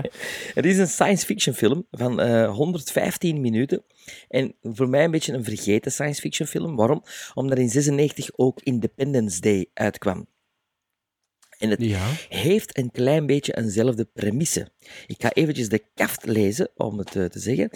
Eh, Charlie Sheen speelt radioastronoom Zane Zeminski die tijdens zijn werk een signaal uit de ruimte oppikt. Wanneer hij suggereert dat het wel eens een signaal van buitenaardse oorsprong zou kunnen zijn, wordt hij onverwachts ontslagen. Zane besluit op eigen houtje een onderzoek in te stellen en ontdekt al snel dat buitenaardse wezens een invasie voorbereiden. The Arrival. Ik heb daar nog nooit niet van gehoord. En sorry, nu je houdt nu die kaft Ja, die- voor die je camera, kaft- maar dat ziet er vrij low-budget B uit. Het ziet er een beetje uit like uw kaft van eh Pan's Labyrinth. Het, het, het is ook een B-film. En het is ook low budget, maar daarom niet minder interessant. Maar ik ga het zo zeggen, ik, ik, ik begrijp waarom dat Independence Day wel meer bekendheid heeft genoten, Ja, ja. als ik dat al zie. Uiteraard, maar kijk eens naar het fotootje op de achterkant van de alien. Ja, dat kan ik niet, goed zien. Dat is een beetje een grey, een grey, grey guy, hè? Ja, ehm, ik vind het een interessante film. Ron Silver speelt er ook in mee en Terry Polo speelt er ook in mee. Ehm, eh, eh, Terry Polo, en wat zit hij nog? Dat is zo wel een- ook een B-actrice, toch? Hè? dus een B-actrice, ja, maar dat is... Ja, Meet the Parents, eh Meet the Fockers. eh, Oké. Zeg mij niks, sorry. Maar, Meet the Fockers. ja. Meet the Fockers, ken je niet? Ja, jawel, maar Terry... Ah. Allee, ik zie Terry Polo daar Die naam zegt me iets, maar dat, ik associeer dat met low budget. Ja, het is low budget, maar het is interessant. Ehm, ehm, Waarom? Omdat het, de theorieën waar ik van hou, van Carl Sagan, eh, die ook gebruikt zijn voor contact, eh, ehm, de theorieën van, van aliens en alien eh, aanwezigheid, of, of van waar komen we, van waar stammen we af, dat dat er toch wel allemaal een beetje in zit. Ehm, het toeval wil dat zoveel jaar later, eh, als de andere Arrival is gemaakt door Denis Villeneuve, ook in hetzelfde jaar is gemaakt als de tweede Independence Day. dat is een stom toeval misschien. Ehm, maar Toeval bestaat niet, Jij vindt dat grappig, hè, Sven? Dat vind grappig, ik hè? grappig, Dat vind ik grappig. Ehm, maar ik blijf dat toch een, een, een onbekend filmpje vinden dat, dat toch de moeite waard is om te bekijken. Omdat het heel spannend is. Het is een enorm spannende film. Zie je zo'n film uit dat in de blokker over een jaar of drie, zo vijf voor vijf, Vijf euro. voor zo. vijf. Ik juist, juist hetzelfde zijn, Bart. Je Ja, weet wat ik vijf bedoel, vijf. Ik weet Ja, ja. het, ik weet het. En dat zal ook wel. Ik denk dat ik hem zelfs in zo'n bak heb gevonden. Maar ik had die vroeger gezien, omdat dat zo, je hebt er zo twee films van, van Charlie Sheen, ehm, die zo wat minder bekend zijn als deze en The, Ra- The, The Wraith. The Eh, Wraith, ja. Wel, in, The Wraith is nog iets beter natuurlijk. Maar deze hoort wel in dat rijtje ook zo van onbekende science fiction films die toch de moeite waard zijn, on, desondanks het low budget gegeven. Ja, maar pas op, ja, dat kan wel zijn, hè, want als je... Van wanneer is die film? 96. 98? 96. 96. Als je in 96 bezig wordt over een film van 20 jaar eerder, allee, pak, pak nu bijvoorbeeld Escape from New York, dan gaan ze misschien ook zo wat smalend erover gedaan hè. Dus misschien Ja. krijgt, krijgt die film nog zijn due, hè? Ja, Door, eh, er, er staat ook op de kaft, en dat kan ook, ook wel een beetje inkomen, niet helemaal, maar hij roept herinneringen op aan de klassieker Invasion of the Body Snatchers. Ja, dat zijn al dingen dat je niet op je kaft plaatst, ook natuurlijk. Hè? Ja, Charlie Sheen had dat Ja, dan niet opgezet, verkoopt het niet. Hè. Als, je, als je Charlie Sheen op de voorkant hebt en achter doet een beetje denken aan Invasion of the Body Snatch, ja, dan heb ik zoiets van, ik ga dat laten liggen. Zelfs laat al het- is het ja, een maar euro laten we zeggen maar dat, dat beter dat erop kan zetten dan dat erop zijn doet denken aan een klassieker als Dextro. Of noemt hij daar weer? Nee, nee, Extro. Wat dat is ook aan meegepakt Roger hem. Ebert, Roger Ebert, toch niet de eerste. Thumbs up? The Arrival blijft verrassend tot het einde. Ja, maar ja, dat is zo met puntje, puntje ervoor en puntje, puntje erachter. Nee, dus het kan negatief in aanhalingstekens. een... Nee, Ja, het op is de zodanig slecht dat het verrassend blijft Ja, tot voilà, het einde. Voilà. De miskleunen stapelen zich op tot het einde. Dat is eigenlijk hetgeen dat Roger Ebert wil zeggen daarmee. maar is er, is er wat production value? Ziet het er eigenlijk goed uit? Het ziet er... Het is, ehm, het is heel Ik ga, spannend. zeggen, ik ga zeggen waarom, want Ja. 96, ik denk dat er... Ik denk dat er, dat, dat is zo'n periode waar dat er voor dat soort films wel met geld durfde gesmeten te worden. Dus het kan wel zijn dat er daar een budget achter zat. Mm, Het ziet er vooral heel, heel eh, spannend en donker uit. Hè? Blauw, donkerblauw. Ah, geen budget dus, ja. Nee, eh, maar de gast die het gemaakt heeft, is ook de man die eh, Riddick en The Chronicles Ah, ja. en, en, Ja. en eh, Pitch Black heeft geregisseerd en geschreven. Dus Ehm, zijn talent zat er wel al in, in die, ja, in die rival. Ja. Ja. ja. Dat is misschien toch de moeite waard dan. Allee, en, en jij begon daar juist met gizmos, heb je dan een quotering aangegeven? Ik geef dat zeven gizmos. Amai. Evenveel als Missing in Action. They've branded his theory paranoid. There are some DoD guys here going through our stuff. I don't know who these guys are, but I do know that they're lying to you. And the only ones who believe what's coming If they're not here now, they will be soon. Who's in? are the ones who've already arrived. Stop watching the skies. I know why they're here. Start watching and look back. Charlie Sheen, Ron Silver, The Arrival. Hallo, ik ben Sam Goris en ik luister ook naar Gremlin Steinbeck. Ik heb gekozen voor een film uit 2000. Het is een film dat ik ehm, op WhatsApp tegen jullie al een keer... eh een titel dat ik al een keer heb eh, laten vallen. Het is de tweede featurefilm van Steve Buscemi als regisseur. En het Animal is... Factory. Animal Factory, ja, klopt. En eh, de roman waar de film op gebaseerd eh, werd, als ook het scenario, werd geschreven door een zekere Edward Bunker. En dat is Mr. Blue in Reservoir Dogs. Eh, die een bunker eet toen hij jong was, wat serieuze stoten uitgaat. En op zijn zeventiende was hij de jongste inmate ooit in de befaamde San Quentin-gevangenis.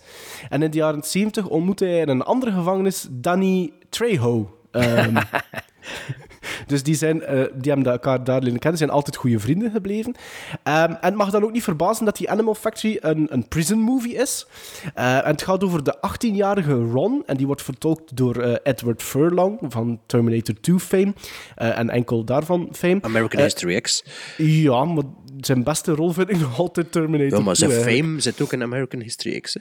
Ja, Daar is hij toch ook van bekend? absoluut. En misschien zelfs nog Brain Scan. Nee, dat is niet. Dat is Brad Renfro. Ah, oké, ik dacht dat er ook in was. Nee. Ehm, dus dus eh, die, die Ron eh, vliegt eh, naar de gevangenis en komt onder de vleugels te staan van de veteraan Earl Copen. En die dat wordt, die dat wordt weer gespeeld door Willem Dafoe. Danny Trejo is er natuurlijk ook in te zien, net als Tom Arnold en John Hurt. Sven, H-E-A-R-D. Oké, maar ik ben een Ehm, cast, zeg. Ja, een goede cast. En een, een beetje een... een ehm, ik zou niet zeggen dat dat een supergoeie film is, maar het is op, tot op vandaag, naar mijn gevoel, eigenlijk te onbekend bij het grote publiek als prison movie. En het heeft nog een asset. Mickey Rourke doet erin mee en hij speelt een travestiet. Oei. Ah, ja, of het dat kan, of het eigenlijk ook ja. wel een, een notie zijn van een transgender vrouw. Ik weet het niet goed. Het is al even geleden dat ik hem gezien heb. Maar het is Ehm, wel zo gevangenisstijl, hè, dat hij een ja, travestiet is zonder prison- veel geld. Hè. Allee, Ja, ja, ja, hè, ja, zo. ja, ja. Sam Louis Ja, in de zo, Ardennen. Zo. Ja, zoiets, ja, inderdaad. Ehm, dus het was zijn eerste rol na Shades ehm, in Oei. 99 Oei, van Mickey die Rourke. ja. die periode. Maar dat was leuk. Hè. Ik had, ik- het is één iets wat aan mij nog altijd bijblijft aan het gesprek dat Bart had met uh, Jeanne Barvoets, Barvoets, is dat Mickey, Eh, één Rourke, iets. Mickey Rourke tuft op de grond. Als hij zijn positie nog eh, moet weten. Dus dat is eh, een leuk weetje. Voilà, dus voor mij Animal Factory uit 2000. Oké, en, En hoeveel gizmos? Ah, ik had er eigenlijk ook niet aan gedacht. Ik denk Animal Factory, het is al even geleden, maar ik zou die toch 6,5 geven. 6,5 op 10. Ja, ik ken, ook- ik ken denk- de film niet. Ik heb er nog nooit van gehoord. Je kan hem direct eh Ja, voor, als je zo graag naar prison movies ziet, dat Ja. is echt geen slechte films, hè. Ik heb die ook één of twee keer gezien, denk ik, toen dat die uitkwam. Niet in de cinema, maar wel op... Ik dat ik twee keer gezien Ik, dacht, heb, ik, ik, wist zelfs, ik weet zelfs niet of dat hij zelfs een theatrical release gekregen heeft hier. Ja, misschien niet, misschien niet. Ja, Wauw, Willem Dafoe zonder haar. ja, ja, ja, ja, een knikker. Welcome to the Sunday afternoon movie on the WB11, New York's movie station.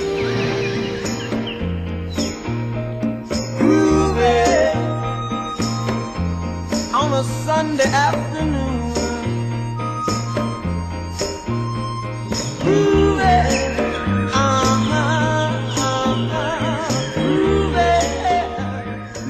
Maart is hier weer in volle vaart, zou ik maar zeggen. Eh, dus Maarten is afgekomen met een top 3. En eh, zoals ik ooit mijn top 3, wat was het weer? Strijkfilms heeft, heeft Maarten ook iets dat, eh, dat in zijn hoofd leeft en bestaat. eh, eh, eh, Absoluut. uitgevonden. Eh, en dat is top 3 zondagmiddagfilms. Zondagmiddag of zondagnamiddag? Zondagmiddag eigenlijk. Zondagnamiddag eigenlijk. Ja. Allee, zondag, maar- ja. Maar Ik heb, zou- maar ik heb er een scenariootje bij geschreven, hè Bart? Maar ik zou, ik zou zeggen, maar doe jij het maar wat je doet, want de nuances en de, de precieze dingen, ik denk dat jij dat toch iets beter kunt duiden dan ik. Want het gegeven, ik weet wel een beetje wat dat bedoelt, maar, het is maar het is een ook klein beetje onbekend, omdat ik niet zo'n zondagnamiddag filmkijker ben. eh. Ah ja, zo op die manier. Ah ja, Nee, ik doe dat wel heel graag. Dus, dus maar, Ja, maar, maar, het, maar het is wel het Take it is open, het is open voor interpretatie. Maar dit is dus het Ja, dat dacht dat, ik meegegeven heb met, met Sven en Bart. Eh, het gaat als Dus je moet je voorstellen dat je op zondagmiddag juist serieus goed gegeten hebt. Zo, allee, voor Bart gaat dat iets anders zijn, maar zo'n goed kieken of een gebraad. Of voor Bart lekkere gemarineerde koorn met groentjes en, en, en, en, en rijst. Ehm, Ehm, en, en dan, als je da- daarna gaat van tafel en je pakt een goede zat zwarte koffie. Wederom voor Bart iets anders, want Bart drinkt geen koffie. En je gaat gaan zitten in de zetel, je begint te zappen.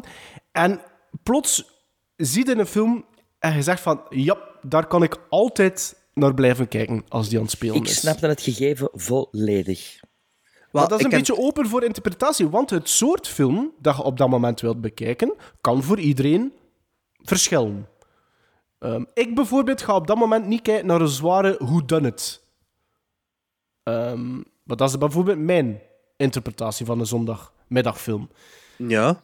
En dus heb ik van jullie gevraagd van, schrijf er drie neer. En we noemen het een top drie, maar ik denk dat iedere film dat ik geschreven heb, kan vervangen worden door tien andere films. Ja. Dus het is een beetje...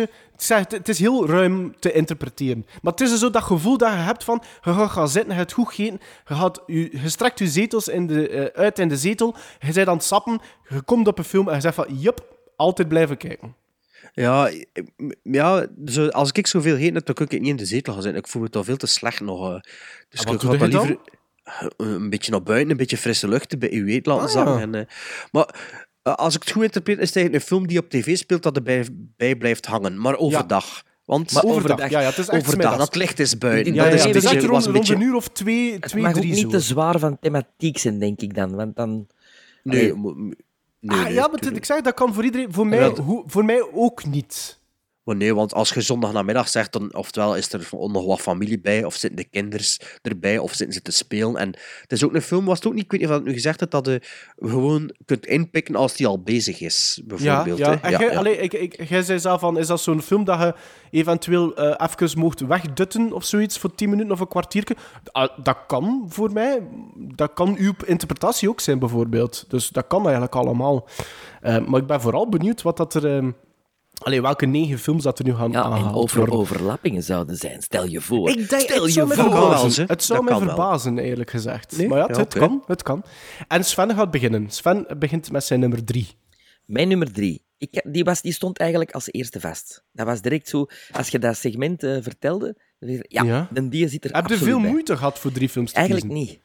Eigenlijk niet. Het is wel zo dat, dat al mijn films zich situeren ehm, voor de jaren tachtig. Omdat, Ja. dat, eh, voor mij is dat synoniem met eh, het gegeven. Zo een film, een oudere film, eh, maar zo'n een, een film waar je zo in kunt vallen en kunt zeggen, ah, nu, nu blijf ik zien. Ja? Het is een oorlogsfilm. Maar niet een echte oorlogsfilm. Want het speelt zich niet af on the battlefield. Maar het speelt zich af in een prisoner of war camp. Het is een film uit 63 van John Sturges. En whenever dat ik die film inpik, op het is welk moment, ik blijf erbij hangen. En dat is voor mij een heel aangename zondagnamiddagfilm. Film met Donald Pleasence, James Coburn, Charles Bronson, James Garner, Richard Attenborough en Steve McQueen. The Great Escape. Eh, Bart, had hij dat er eh, x aantal afleveringen niet over had? Of was dat The Dirty Dozen? The Longest Day, denk ik. The Longest Day, ja. ja. Maar The Great Escape is zo, ja, is zo'n oorlogsfilm, maar geen oorlogsfilm. En God, is een hele man- manly movie eh, over, over ja, allemaal gasten die samen zitten in het Prisoner of War camp en die eigenlijk een tunnel graven om te ontsnappen. En kattenkwaad uit dan ondertussen. Ja, Het is zo lichtvoetig toch wel. Voilà. Allee, het is een beetje met die, met die Duitsers klo allee, klooien eigenlijk Ja. ook. Hè. En, En, en als je zegt dat het dat een oorlogsfilm maar niet echt is, dat dan omdat zo op één locatie zo Ja. wat meer blijft? Ja. en omdat er ook geen, geen battle scenes in zitten. ja. Eh, het Heb is je dat echt- niet gezien, Maren? Ik heb dat nog nooit niet gezien. Allee, jong. dat is, eh, I know. Dat is, dat is de moeite om het eens te zien. Ja, je weet, jong, Maar als uh, oorlogsfilmliefhebber, connoisseur, ja, dat ik dat nog niet gezien heb. Ja, ik snap dat wel, zo, jongens. Dat is echt zo... Ja, dat is een film die je op een zondagmiddag rustig kunt zien. Gezappig. Ja, dat snap ik wel, ja. Ja, bij mij is het een beetje het omgekeerde. Ehm, ik heb zo... Ja, bij mij zijn het zo films uit de jaren negentig die ik heel veel gezien heb. Ja, dat kan, dat kan ook. Over het ja. algemeen. Zo dat, dat, ik, dat ik eigenlijk van buiten ken. En als ik zo zie, denk ik dat ik er maar, dat ik er maar één van de drie zelfs op DVD of Blu-ray heb. Amai. omdat ik, zo, ja, omdat ik ze al zoveel gezien heb, dat ik die films van binnen en van buiten ken. En ja, als die speelt, kan ik er perfect op inpikken. Weet ik wat er voor gebeurd is, wat er na gebeurd is. Ehm, Ja, dat vind ik een vrij goed criterium ook voor de zondagmiddagfilms. ja, en, en, voor de en ja, word ik gewoon meegesleept. En, eh, maar ik vind ook wel eh, de Dirty Dozen, dat is ook wel iets dat ik zo bij blijven hangen. Maar toen dat ik de zondagnamiddag tv aanzette destijds, speelde dat niet zoveel meer waarschijnlijk als eh, toen dat ik, allee, tien jaar ervoor. Ah, ja, was, dat, ja. was dat, dus ja, maar bij mij zijn het dus jaren 90 films, al eh, drie, ja, alle drie, die, die, die eigenlijk, wel, eigenlijk ze perfect wel willen kopen, maar het zijn zo van die films dat ik best, ja, ik ga wel iets anders. Ja, je kent dat, hoe dat, dat gaat. Dus maar dat beslist ik van, moet die hebben voor de volledigheid. Maar, mijn nummer drie was eigenlijk de allereerste dat ik aan dacht. Ehm, en toen dat ik zo wat, zo'n lijstjes opzocht voor wat inspiratie te doen nadien, was dat ook een die heel veel op nummer 1 of nummer 2 stond. Om, om dezelfde reden waarschijnlijk dan als ik, als ik die be- gekozen heb. Het is een film met eh, Tom Hanks en Robin Wright uit 1994. En dan weet het al waarschijnlijk wat ik bedoel. Run, Forrest, run! Een grote Oscar-winnaar, Forrest Gump.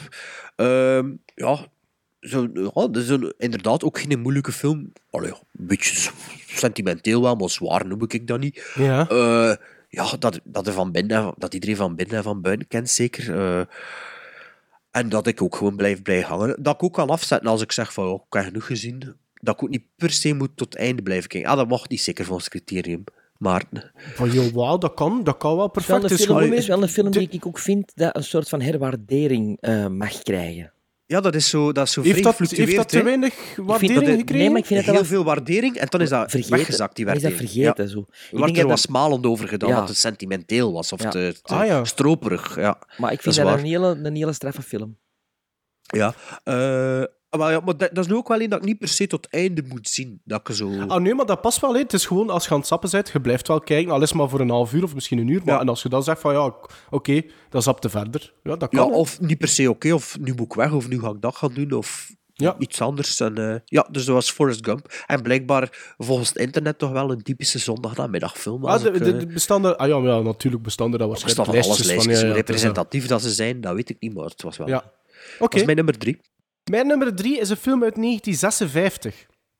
En dat is een film dat ik op zondagmiddag vaak als kind ook gezien heb. Want die werd heel vaak eh, vertoond.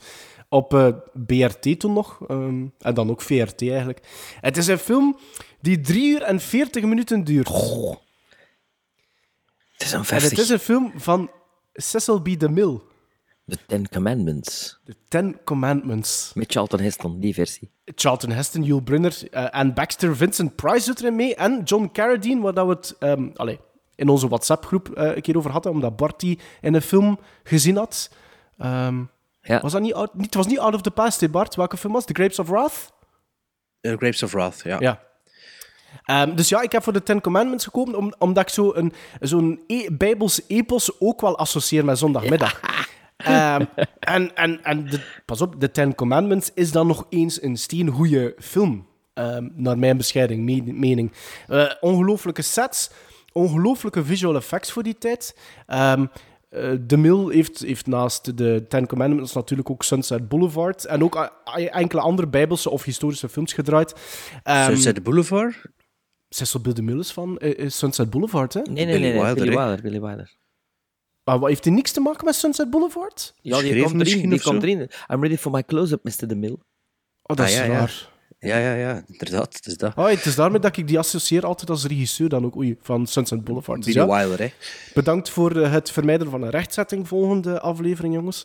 Ehm, ja, en Ten Commandments vertelt het bekende verhaal van, van ehm, eh, Farao Ramses I, die de opdracht heeft van al de Hebreeuwse mannelijke babytjes te vermoorden. En Zijn het Mozes... uw bekende verhaal? Dat is toch een bekend verhaal? Allee, ik heb dat- nog geen les godsdienst in mijn leven gehad, dus dat zegt mij Ah, allemaal weet jij dat niet, Bart? De tien, de, jong, dat is toch... Ik zal het nog Maar eens... allee, jong, allee, jong. Nee, nee, hier zo, allee, jong, over islam of zo ook Ik zal, het, doen. ik, ja. ik, zal het, ik zal het nog eens trager herhalen. Het het Ja, dat, is verhaal dat, is van... niet, dat is niet alleen eh, godsdienstles, is ook geschiedenisles. Hè? Eh, dat valt. Dat is, in- Deels. dat is Deels wel, hè. Ja, deels, ja, absoluut. Van Ja, de oké, slavernij. ik, ken wel, ja. ik, ken, ik ken wel wat geschiedenis van de... Maar de, Maarten doet er al zo van het overbekende verhaal. Nee, ah ja, maar sorry, ik ging daar eerlijk gezegd ook vanuit. Maar ja, ik ben blij dat ik... Dat de heidenen als ik kunt... eh, hè. Maar ja, nee, maar ja, ja ik, ik kom ik ook uit de katholieke school. Ja, kijk, dat is er met, hè, bij mij ingegeven. Die, die... Maar ja, Ah, ik heb ook die film nu al vier keer gezien. Hè. ja. Dus, dus het gaat over eh Farao Ramses de Eerste, dus vertolkt door Jules Brunner, die opdracht geeft om alle Hebreeuwse mannelijke baby's te vermoorden, eh, waardoor Mozes in een mandje op de Nijl wordt geplaatst en zo weet te ontsnappen. En later, allee, we weten toch- dan hoe dat hij gered wordt. Maar- allee, bedoel, dat is, dat, is- dat, is, ja, dat is toch bekend, dat verhaal van Mozes en zo. Maar als je nooit een les godsdienst Maar dat, hebt, dan mag is je dat toch zo wel bekend films gezien, Bart, die over dat thema gaan. Over Mozes en een mandje op de Nijl. Ik heb nog geen één film gezien van Mozes op een mandje dat in de vind ik Nijl. heel raar, sorry. We Noem een keer de, de, alle films met Mozes en een mandje op de Nijl. Prince of Egypt, Holy Moses, uh, History of the World Part 1. The Ten Commandments. The Ten Commandments, um, uh, the Gods of Egypt. uh, ja. Nee, nee. Ja, als, als ze dat expliciet zeggen en ik weet dat dat is, dan weet ik dat. Maar als, je, als, ik, dat in, als ik, ik zie dat ze dat in een mandje op de Nijl zetten, weet ik veel dat dat Mozes is als ze dat niet zeggen. Meen, meen je dat echt, dat je dat niet als een soort van referentie hebt? Associeert? Een, een mandje op de Nee, Nijl? nee. Oké, Nee. raar. Maar ja, bols, wat? Het kan. Ja, Het is dus die volwassen Mozes die later dan het Hebreeuwse volk wegleidt uit de slavernij uit, in Egypte. En met over, allee, voor ons dan het overbekende shot bijvoorbeeld, waarin dat hij de, de, de, ja, de, Het de Nijl splijt ja. in twee. Hè. Ja. Dat, dat ze er dan door kunnen wandelen. ja, dat weet ik. Dat Mozes de, de, de, de Nijl in twee split, dat weet ik. En dat hij een ark had met allemaal dieren en... eh, dat is iemand anders dan. hè. dat, dat nu gaat het komen zijn, de paters gaan kwaad worden, hè, maar de paters worden Oh, niet nee, kwaad. Ik, ik, ja. ik beschouw mij allerminst als een, als een pater. Ehm, dus een runtime van bijna vier uur, maar een film met een verschrikkelijk goed tempo, een fenomenale cast en goede regie. En ik vind dat perfect om lang uit in de zetel te gaan liggen. En zo'n film die, net zoals dat, dat, dat, dat Sven vroeg, ehm, zei in de vorige aflevering van, jongens, vroeger was dat zo met een Mary Poppins, maar dat is ook een film bijvoorbeeld die je de namiddag in beslag kan nemen. Ja. En ik kan er eigenlijk van begin tot eind gewoon naar kijken. Mooie Nou, ik keuze. ben benieuwd naar de nummer 2, Ben Huur, en uw nummer 1, eh The Passion of the Christ. Wel, ik eh, zal al de- iets verklappen, Su- dat- Jesus Christ Superstar. Nee, dat is het niet. Hours ago, minutes ago, these men were behind barbed wire, locked in the strongest cage that man could devise. These men plotted. These men dared. These men lived.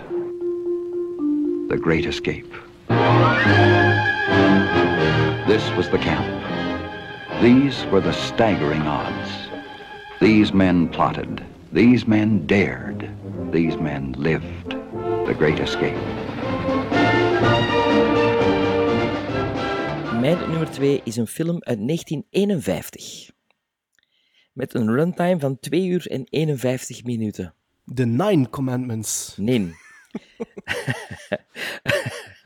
Het gaat over ehm, een Romeinse commandant die eh, beïnvloed geraakt door een ehm, eh, christelijke eh, gijzelaar en zo een beetje zich begint af te vragen of het keizerrijk van Nero wel dat is waar men allemaal naar moet leven. En ik heb het over de film Quo Vadis. Nog ik- nooit niet gezien. ik ben net zoals Maarten eh, eh, van het idee dat je de zondagnamiddag een bijbelfilm, een sandalenfilm, zoals dat ze zeggen, hè, eh, ja, dat dat perfect is om in te vallen en, en, en, en mee te blijven zien, zo, zonder dat je, dat je het van het begin moet zien. Ja. Ik blijf Ja. er ook aan hangen. Ik heb dat al eens tegen een Bart gezegd in een, in een eh, WhatsApp-conversatie.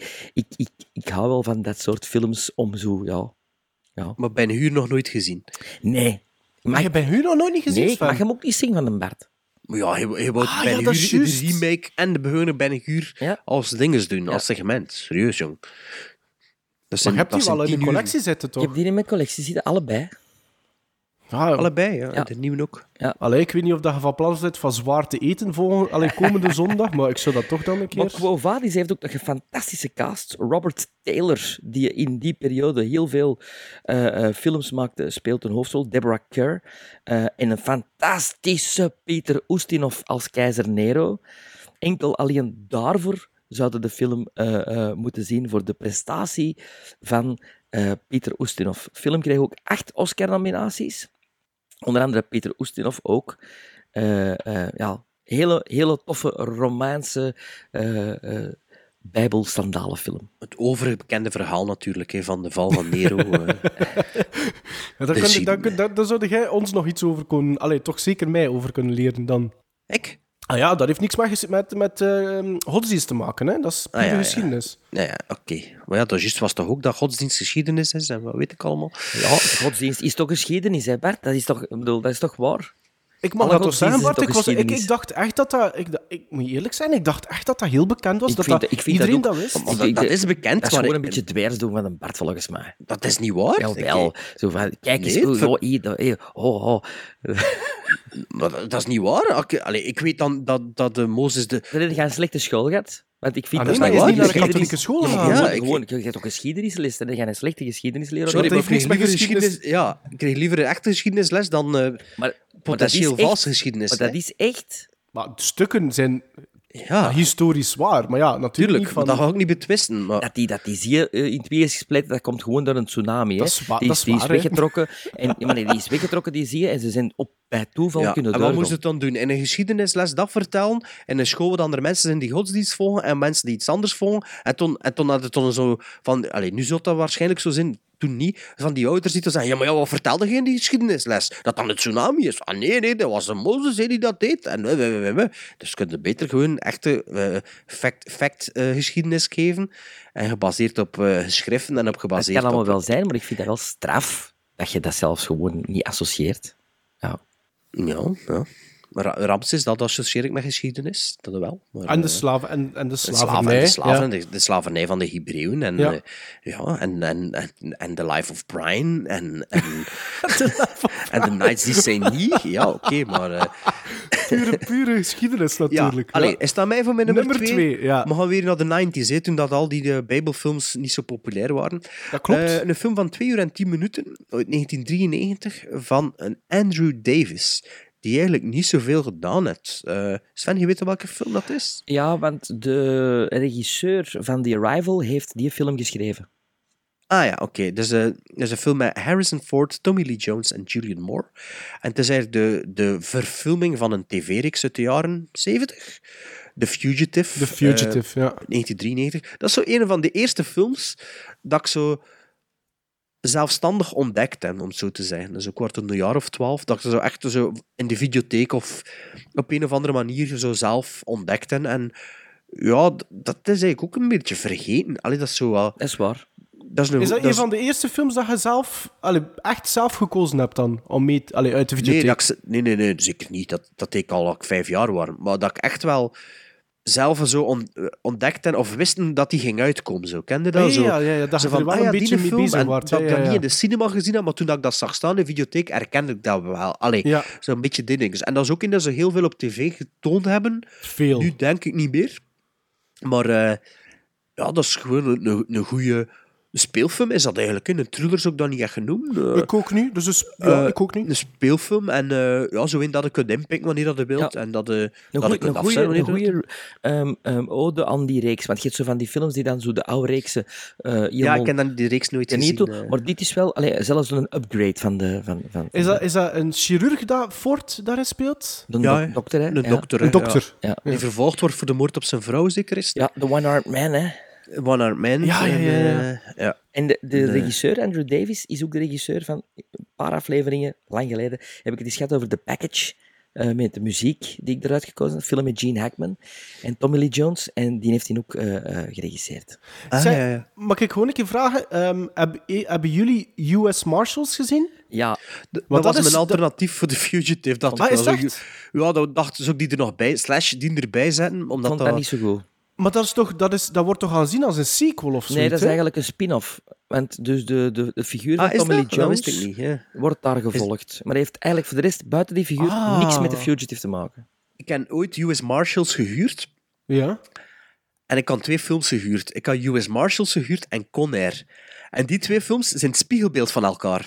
Ja, ja. En ik kan die, die, twee films achter Niet elkaar meer uit gezien. elkaar dat- dat- houden. Wa- wel nog uit elkaar, omdat Con Air al veel meer gezien heeft sindsdien. Maar die dag was dat echt zo... Dat was bizar, want dat was... Ja, dat was een spiegelbeeld. Dat was, het ene verhaal was de ene kant, het andere verhaal was de andere kant. Zo. Ja. En ja, dat vond ik wel... eh allee, En dat binnen. is dat US Marshals? Wie, wie is de co- de co-star van Tommy Lee Jones? Robert is dat Downey Wesley Jr., Snipes? Robert Downey Ah. Jr. en Wesley Snipes. Ja, toch. Ja. Wat is ik heb die nog dat nooit het- niet gezien. Ik wist niet dat dat, eh, dat, dan een pseudo-sequel was, want ik dacht The Fugitive en dacht ik zou de US Marshals ook bij zijn, want dat is een beetje dezelfde sfeer en, Ja. ook, en ook dat gevoel daarbij. Ja, dat wordt zo wat eigenlijk altijd ook. Niet ja. lang, al- niet, no- ik denk dat ik alleen maar toen gezien heb, waarschijnlijk. Is natuurlijk dat. Tommy Lee Jones een Oscar heeft gewonnen voor The Fugitive en dan uh, wouden ze daarop eh, verder borduren. Ah ja, ze wordt wel melken. Ja. ja. Ah, zo. Oké. Eh, nummer 2 van mij is een film uit 1990, dus we blijven wel in de 90s, van 107 minuten. Is, het is net zoals dat Bart zei eigenlijk, voor mij is nummer 2 ook eh, gekozen omdat ik die al zo vaak gezien heb, ehm, dat dat voor mij heel getrouw ook aanvoelt, die film. Ehm, en het is een Stephen King verfilming, waar we dat in aflevering 18 volgens mij niet over hebben gehad. Ehm, geregisseerd door Rob Reiner. Met in de hoofdrollen ehm, James Caan, Kathy Bates, Richard Farnsworth, Francis Sternhagen en Lauren Bacall. En dan heb ik het over... Misery. Misery, inderdaad. Eh, de reden waarom dat ik die film gekozen heb, is omdat Misery voor mij hand in hand, hand, in hand gaat met een ehm, sfeer, met, met heel veel sfeer.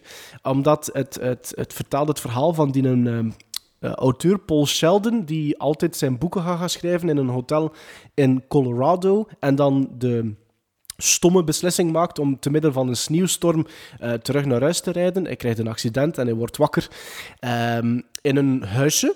En plots eh, staat Kathy Bates daar en zij, stelt hem, zij stelt haar aan hem voor als zijnde I'm your number one fan. Maar het is Hans dat winterlandschap en dat... ehm, geïsoleerd gegeven van dat heel veel, ik denk 70% speelt hem af binnenin het huis van die Annie Wilkes. Dat is het personage van Kathy Bates. Ehm, ja, ik associeerde altijd met heel veel sfeer. En natuurlijk ehm, is dat deels, of toch heel veel te danken aan regisseur Rob Reiner, die toch wel iets kan, natuurlijk, als regisseur. Ehm, ja, dat is een sfeervolle thriller, Misery. En ik, heb, ik vond dat van de eerste keer en ik blijf dat nog altijd vinden. Het heeft ook wel, oei, misschien een kijkje in het privéleven van Maarten Melon. Het heeft een, een, een, een, een plaatsje in mijn hart, want het is ook de eerste film dat mijn vrouw en ik samen hebben bekeken Oh. ooit. Ehm, Twaalf jaar geleden Dus ondertussen. is het al twaalf jaar miserie. Ik, eh, ik, eh, ben, ik vind dat een goede film. Absoluut. Ik Ja? vind James Caan fantastisch. Ja, Maar Kathy Bates vind ik verschrikkelijk in die film. dat is verschrikkelijk goed in die film. Ik heb het op twee keer op de, op de scène gezien. Drie keer, want ik heb het ene keer zelf geregisseerd, het Ja. stuk ook. Ehm, en- Ah ja? Ja. ja Wat? In, in Je hebt 2000. Misery? Ik heb, Nee. Ik heb Misery geregisseerd in 2000. Dat is gewoon. Ja, dat is echt waar. Ja. Miserie op de prairie. Met, eh, nee, ja, gewoon Misery. We hadden toen een juni-cyclus in theater en dat was allemaal thrillers die we deden. Hoe Ehm, noemen ze, hoe noemen ze dat? Een een juni- juni, juni-cyclus. Dus in juni speelden wij geen comedies, maar thrillers. Dat was een idee van mij eh, destijds. Maar ook wel in het Antwerps. En, dus je eh, hebt, dat, hebt misery, misery voor Antwerps. eh Misery naar hier getrokken, hier eh, eh, vertaald ook dat het, dat het ook zo'n een, een, schrijver was van hier, een, een soort Pieter Aspe. Ja. en- ja, en dat was een stuk met twee, met twee personen ook. En wie, Eh, wie, wie vertolkte de hoofdrol? Allee, wie? Ah, wel, eh, mijn ex speelde eh, eh, eh, Misery. Allee, ja, Ja. dingen, Kat, Wilkes. Annie Wilkes. Wilkes. For- Eh, dus- forecasting. ja, ja, een beetje wel. Eh, ehm, eh, zo. en, Als je er liever niet over praat, jawel. het En mijn niet, vader speelde de, de schrijver. Alle. Ja. Dat, was, het- dat was het Antwerps Theater, hè? Ja, Echt? ja, ja. Echt Antwerps Theater. Ja. Ah. En ik heb het dan in eh, Engeland gezien eh, met Bill Patterson eh, in de rol van eh, de Paul schrijver. Sheldon. Ja. En in de rol van Annie Wilkes, eh, die madame, die, eh, de blonde van Cagney en Lazy. Zeer goed. kan ook niet op haar naam En ik komen, heb ja. het in Nederland ook gezien, eh, met twee acteurs, ook zeer goed. Ik vond, als ik die, al, allee, die drie vertolkingen zag, en ik zag dan Kathy Bates, Kathy Bates... Och, dat is een Oscar gewonnen, hè? I know, maar... Ik, Maar onterecht, voor, volgens u onterecht. onterecht, dat is veel gezegd. Ik vind gewoon dat ze er friet over gaan.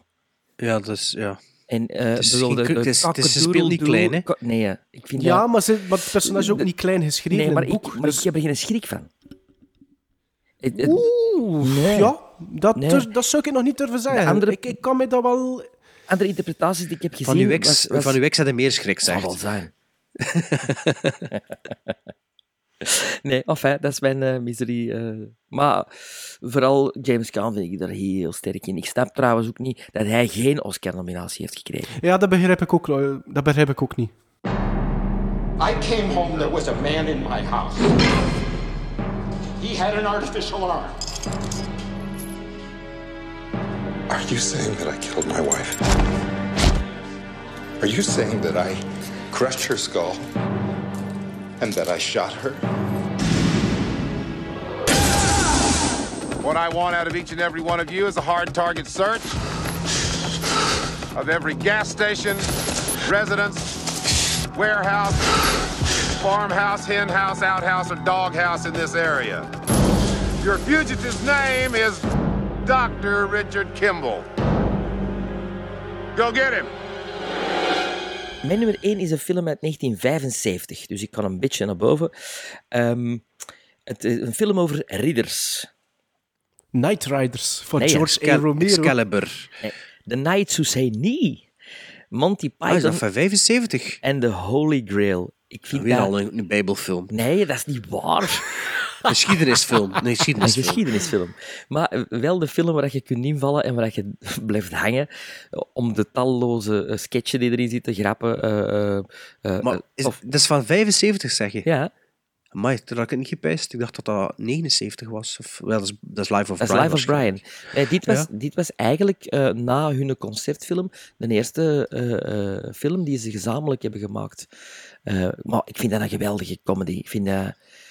Ja, dat is een zondagnamiddag comedy waar ik kan op Ik blijven moet, dat kijken. wel voor in, ik moet dat wel voor in de mood zijn. Ja, ik niet. Voor, Blijf er effectief niet op naar een, voor een Monty Python moet, moet er wel zin in hebben. Echt? Ja? Ik vind dat je dat perfect kunt invallen, maar dat ook grotendeels sketches zijn. Hè. Voilà, dat bedoel ik. Ja. Die gaan ergens naartoe, er gebeurt iets, ze zijn weer weg en Ja. er gebeurt iets anders. Voilà. Allee, bij al ja, die maar dan films. kijk ik dan, dan, dan kijk ik, zou ik liever kijken naar ehm And Now for Something Completely Different. Maar dat Dan is de naar- concertfilm, hè? Nee, dat is een reeks. Hè. Nee. Dat is Flying Circus. Ja. Juist. Ah nee, dat is de Hollywood Bowl, die is een concertfilm, sorry. Ja. En Ja. nou voor, wat is nou voor completely different? Bedoel je gewoon Monty Python's Flying Circus? Dit is een compilatie van, van hun tv-reeks. Ja. Maar Ah, dat- ja, in- ja, in- ja, in- oké, voor in ja. Amerika eigenlijk in de cinema. te- Ah, ja, Ja, wat ja. dat ik ook wel een hele goede Allee, film dan. Ja. Vind dat- Pas op, ik heb niks tegen Monty Python, hè. in tegendeel zelfs. Allee, d- sommige mensen doen daar... Allee, ik heb ook al in het verleden wel gehoord van ja, Monty Python, dat is hip of... of Dat is- eh, eh, dat is veilig om te zeggen dat je dat graag hebt, want je- Ja. je, komt dan niet over als een, eh, een niet-intellectueel of Ah, wel, zoiets. Allee, ik, vind dat allemaal ik ben dikke bullshit. eerste hè. om te zeggen dat, dat iets arty-farty is, of dat iets... Ja, maar- absoluut. Maar ik vind Monty Python, dat is... Allee, als, ik durf zelfs zeggen, iemand die Monty Python... Want dat is voor, dat is voor for all different reasons is dat grappig. Er zitten zoveel lagen in. Lage humor in. Dus hè. ik- ja. iemand die dat niet grappig vindt, die heeft geen humor voor mij. Ik denk, ik denk ook dat dat een van de weinige... Allee, als je kijkt naar, naar dat collectief, is het ook een van de weinige eh, keren dat, je, dat die vlieger niet opgaat van, wat zeggen ze? Eh, too many cooks spoil the broth. Ja.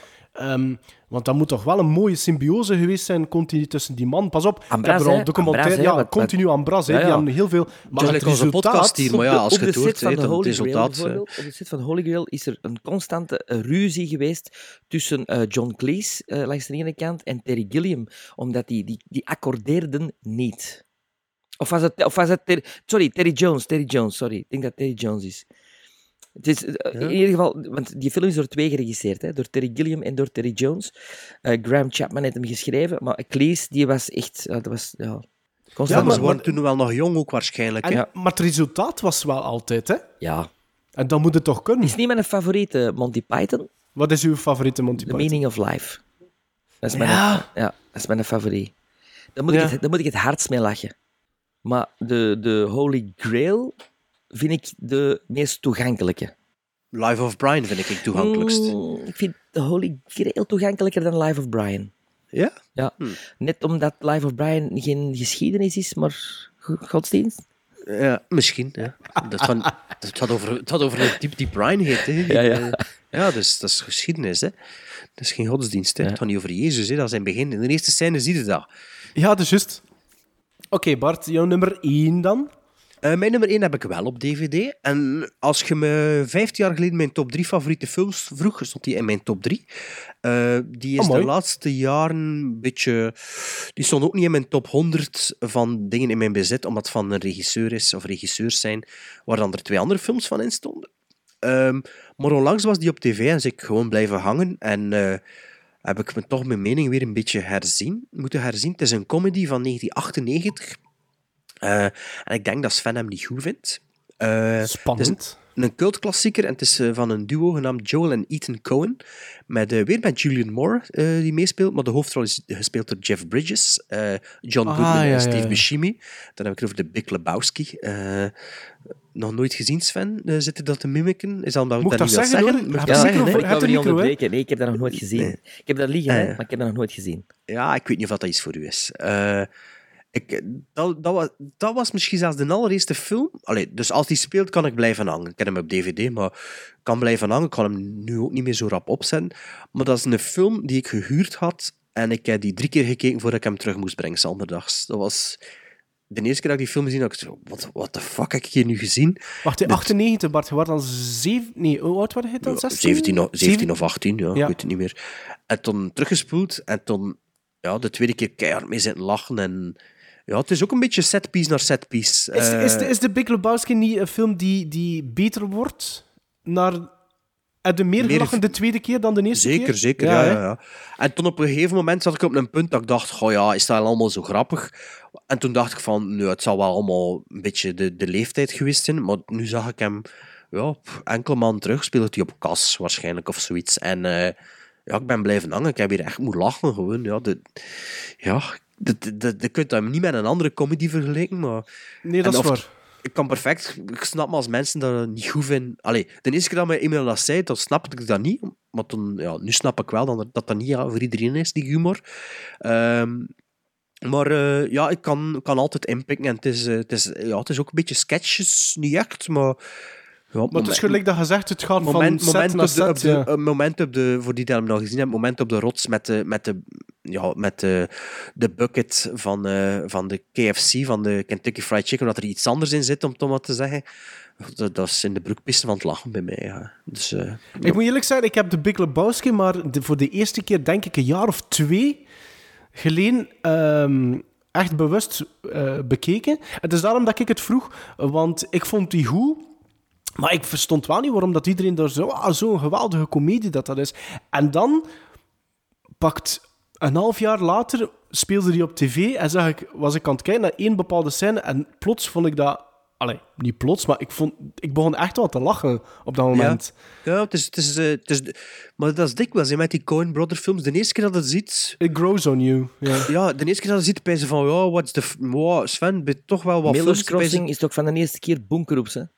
Nou, dat vond ik Far- niet. Fargo bij mij ook wel. Fargo wel, maar Barton Fink, eh, Ra- Raising Arizona... Ja, vind ik allemaal toppers. Ja, maar vo- vooral een comedy en zo vind ik toch... Ja, moet ik een moet- beetje... dat treedt- ja, ik trek Bart bij Racing Arizona. Zou ik eigenlijk ook wel een keer nog een keer moeten herbekijken. Ja, ja, want ik, ik vond die eerste viewing... Fantastisch.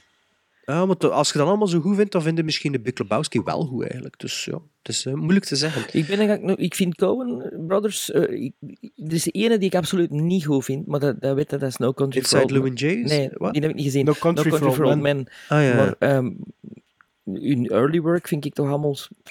Dus Big Lebowski zit er zo wat tussen, hè. Zit tussen hun early work en hun, en hun Ja, recente, hè. Met een overhang, ja, ja. ja. Centen. Ja, toch? Oké. Dat was Bart zijn nummer 1. Dan, ehm alleen rest er nog maar één film. Dat is die van mij op nummer 1. het is, de film dat ik op nummer 1 eh, geplaatst heb, is voor mij een film die eigenlijk verplicht kijkvoer is.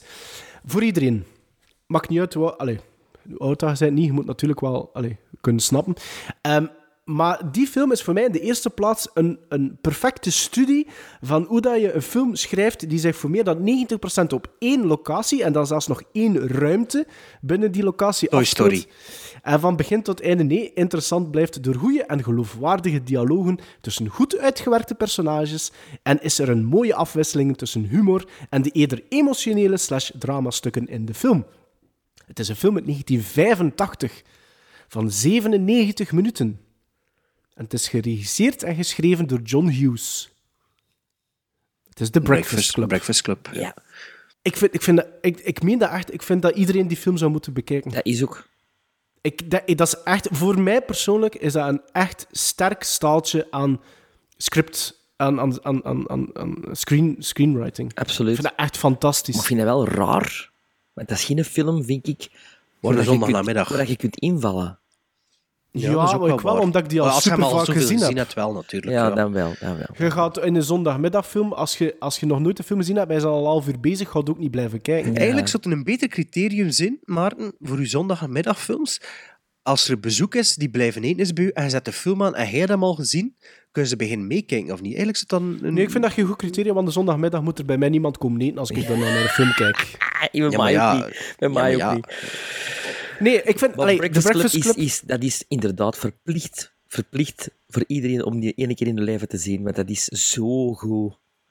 Dus het is ook een hele simpele premisse. Hè? Ja. Het begint zo ogen, zo onwaarschijnlijk simpel van, van vijf high school students die allemaal strafstudie krijgen op zaterdagmiddag. En het lijkt zo cliché eh, hoe de personages op zich in, in, in, allee, in het eerste kwartier zich, zich voorstellen. Hè. Het is niet in de en- voormiddag. In de voormiddag, hè? In de voormiddag, dacht ik. Zaterdag zijn Ja. moeten ze komen. Ja, Ja, de zaterdag. middag, zeg je.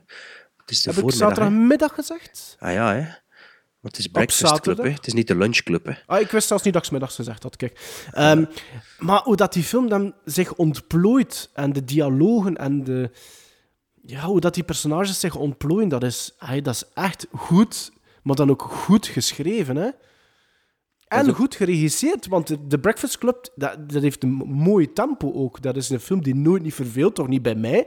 Op, zijn, op het moment dat hij uitgebracht is, natuurlijk een beetje ondergewaardeerd qua, qua scenario, denk ik. Ik denk dat, dat, dat heel veel mensen John Hughes pas zijn gaan appreciëren later. Alleen, en dan bedoel ik over cinefielen, hè, maar de, de echte de, de publiek had hem natuurlijk al omarmd. Maar die, die John Hughes die had toch wel een paar meer, om maar te zeggen, Oscar-nominaties voor... Allee, een Voor zijn, voor zijn, voor zijn screenplays dan vooral. Ja, Hè? Ja, ja. Want, want als regisseur heeft hij maar acht of negen titels. Hè? Ja. Die heeft, heeft heel weinig... Allee, als regisseur is hij echt niet zo actief geweest. Maar je moet het dan ook maar doen, want in die tijd... ehm, in 85, want ik heb een beetje die, die IMDb, de credits allemaal overlopen. Je hebt een, een, eh, Emilio Estevez, Molly Ringwald, Anthony Michael Hall. Wie dat ik dacht die, dat dat misschien zijn eerste of zijn tweede, maar die had er ook al een stuk of zes daarvoor gedaan. Eh Ali Sheedy, Judd Nelson, dat zijn... Op dat moment, die gewoon, waren hot, hè. Die waren, ja, die waren echt super hot, hè. Ja, om niet te vergeten, Paul Gleason als de fantastische... Als de directeur of Ja, de- de- fantastische ja, ja. Paul Ja. Gleason. Supervisor, ja. Love that guy. Ja, nee, sorry, topfilm. maar dat is... Ja. Ja. Ik word er een beetje sentimenteel van als ik de Breakfast Club hoor. dat is zo, ja. De jeugd. It is now 7.06. You have exactly 8 hours and 54 minutes to ponder the error of your ways. Any questions? Yeah. Does Barry Manilow know that you raid his wardrobe? A brain, a beauty, a jock, a rebel, and a recluse. I can't believe this is really happening to me. Before this day is over, they'll break the rules. Chicks cannot hold their smoke. That's what it is. bare their souls, I'm a nymphomaniac. Are your parents aware of this? take some chances, Being bad feels pretty good. Huh? and touch each other in a way they never dreamed possible. Why'd you do that? Cause I knew you wouldn't. Universal Pictures presents Emilio Estevez, Paul Gleason, Anthony Michael Hall, Judd Nelson, Molly Ringwald, and Ali Sheedy in a John Hughes film, Why are you being so nice to me? Because you're letting me. The Breakfast Club.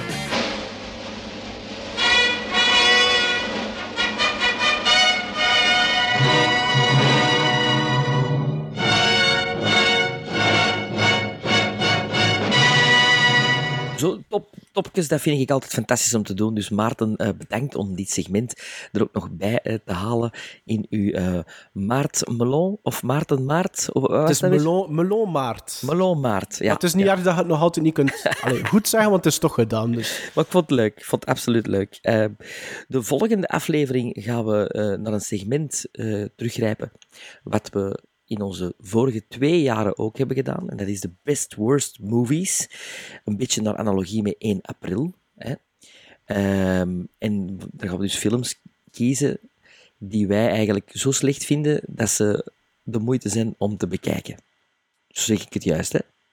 Ja, dat weten we niet per se. Hopen we, hopen we, We een beetje op. dat, eh. we hopen dat. En dan de aflevering daarna is het aflevering 60. En eh, mensen die aflevering 50 ook hebben geluisterd, weten dat we dan ook films eh, uit de jaren 60 gaan kiezen. Juist, hè? Wat ik allemaal zeg. Blijf ons volgen op social media, Facebook, Twitter, eh, Instagram, Letterboxd, de Fantasy Movie League, overal. Maar blijf ons vooral recommanderen aan andere mensen. Mensen die van het fenomeen podcast nog nooit hebben gehoord, en die kom ik er echt wel dagelijks tegen. Blijf die zeggen, van, je moet eens luisteren naar Gremlin Strike Back, want dat is tof. En ik kom ook meer en meer mensen tegen die het op die manier hebben ontdekt, omdat ze het van horen zeggen hebben. Dus nog altijd een beste reclame, is de mondreclame. Now, was that civilized? No, clearly not. Fun, but in no sense civilized.